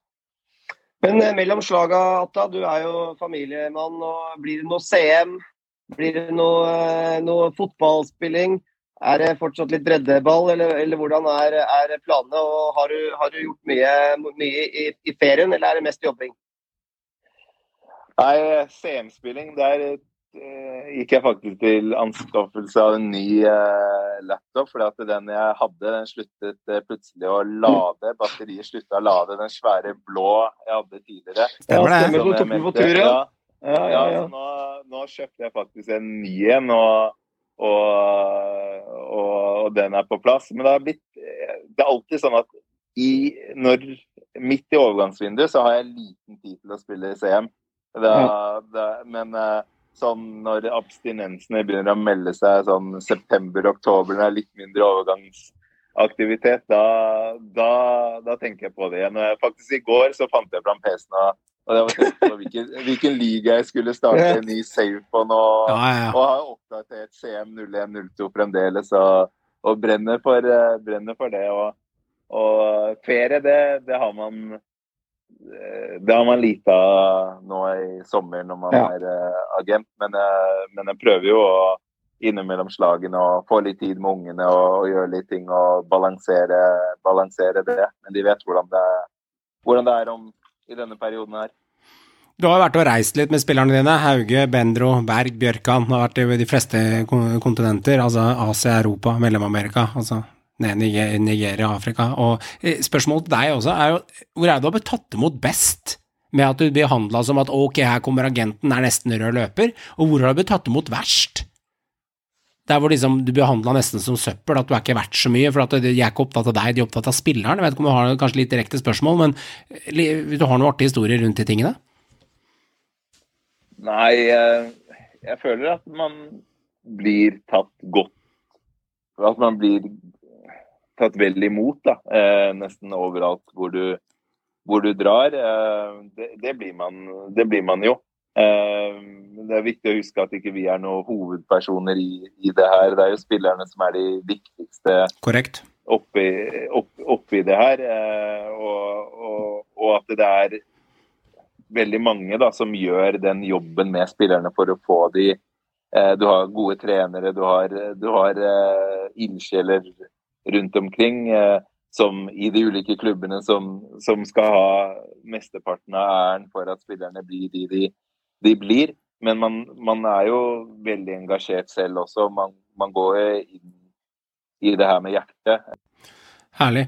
Eh, norske klubber, hvor står de nå da? Altså, du sa de har blitt flinkere på å bruke lokale spillere som Tagsetten eller eh, Sedi Jata f.eks. I, i Enga, eh, og de er blitt flinke til å, til å, ha tilnærming til det på et mer sunt nivå. Men klart, de må ha noen oppsider, noen de ikke er så sterke på også. Altså, hvor tror du veien neste årene går, som de kan tilnærme seg kunnskap og læring på? Nei, det er som sagt eh, Jeg føler at flere og flere har begynt å bruke mentaltrenere. Mm. Det er jo mer av det i Eliteserien, men jeg føler at det er enda større potensial akkurat den biten der. Og, og få på plass mentaltrenere og, og, kunne, som jeg nevnte tidligere, å se de ulike individene. Og, og, vite hvilke knapper man skal trykke på, bli kjent med spillerne på en annen måte. Da, og ikke bare tenke på spillerne som ja, at alle har fire og alle skal gjøre de samme tingene, og at alle er like. Eh, litt mer rom for litt spillere som er litt annerledes. Eh, og ja, det er, vel, det er, vel, det jeg vil si at man har størst mulig forbedringspotensial eh, på. Og så er det jo også den evige debatten om å ta seg råd til speider og ikke speider, og, og de tingene der òg, som, som, alltid hva skal jeg si, er eh, er et tema som eh, man alltid kan argumentere for at er viktig å, å, ha på plass i de ulike klubbene. Men så er det noen klubber som løser det på litt forskjellige måter også. Så det er vel de to områdene man kan si at norske klubber har forbedringspotensial, eh, eh, vil jeg si. Hvordan er de norske klubbene nå ja, altså generelt da, rigga for å ta imot da, afrikanske spillere, unge afrikanske spillere? For det er jo eh, det, det, krever jo sitt. Det er jo ikke bare å knipse, så er han eh, eh på en måte eh, innkjørt i, i, rutiner og kultur og osv. Ja, der er det Det er veldig forskjellig, for det er noen klubber som er helt der at de ikke tar inn noen prøvespillere overhodet, eh, og, og, bare sier at eh, de har ikke kapasitet til å, til å følge opp. Og det føler jeg bedre det enn å på en måte ta inn spillere og ikke ta vare på de i det hele tatt. Og, og egentlig bare eh, satse på at det går bra uten å skjønne at man må legge inn noen ekstra ressurser overhodet. Så, så jeg føler at eh, klubbene har eh, er ganske selvbevisste da, og, og, og vet eh, hva som skal til. Og, og, de som ikke har mulighet til å gjøre det, sier bare at de ikke har mulighet til å gjøre det. Og de som gjør det, de de prøver å gjøre det lille ekstra. Så, så der, eh, der, føler jeg at i hvert fall de klubbene jeg samarbeider med, og, og hvor vi da henter opp noen afrikanske spillere av og til, at de gjør det på en ordentlig måte. Det, mm. det, det føler jeg absolutt. Ja. Atan Eke, tusen hjertelig takk for at du ville være med i dag. Har du noen siste ord til oss, så, så ordet er ditt.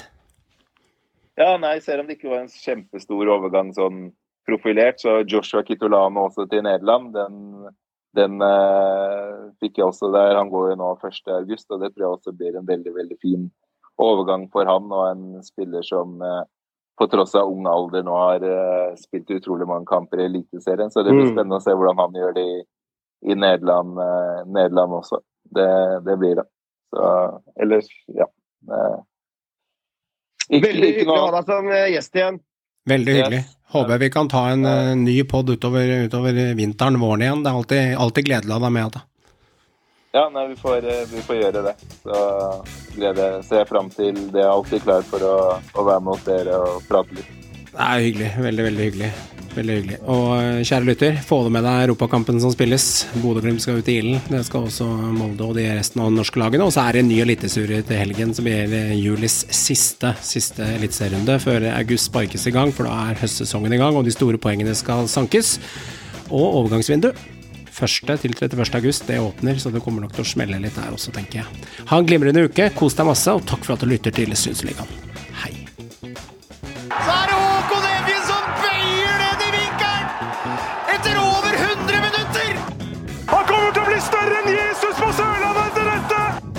Er faen meg Folk pisser eller Folk er likegyldige. Det er det verste som skjer med en fotballklubb. Det er faen meg undergangen, det.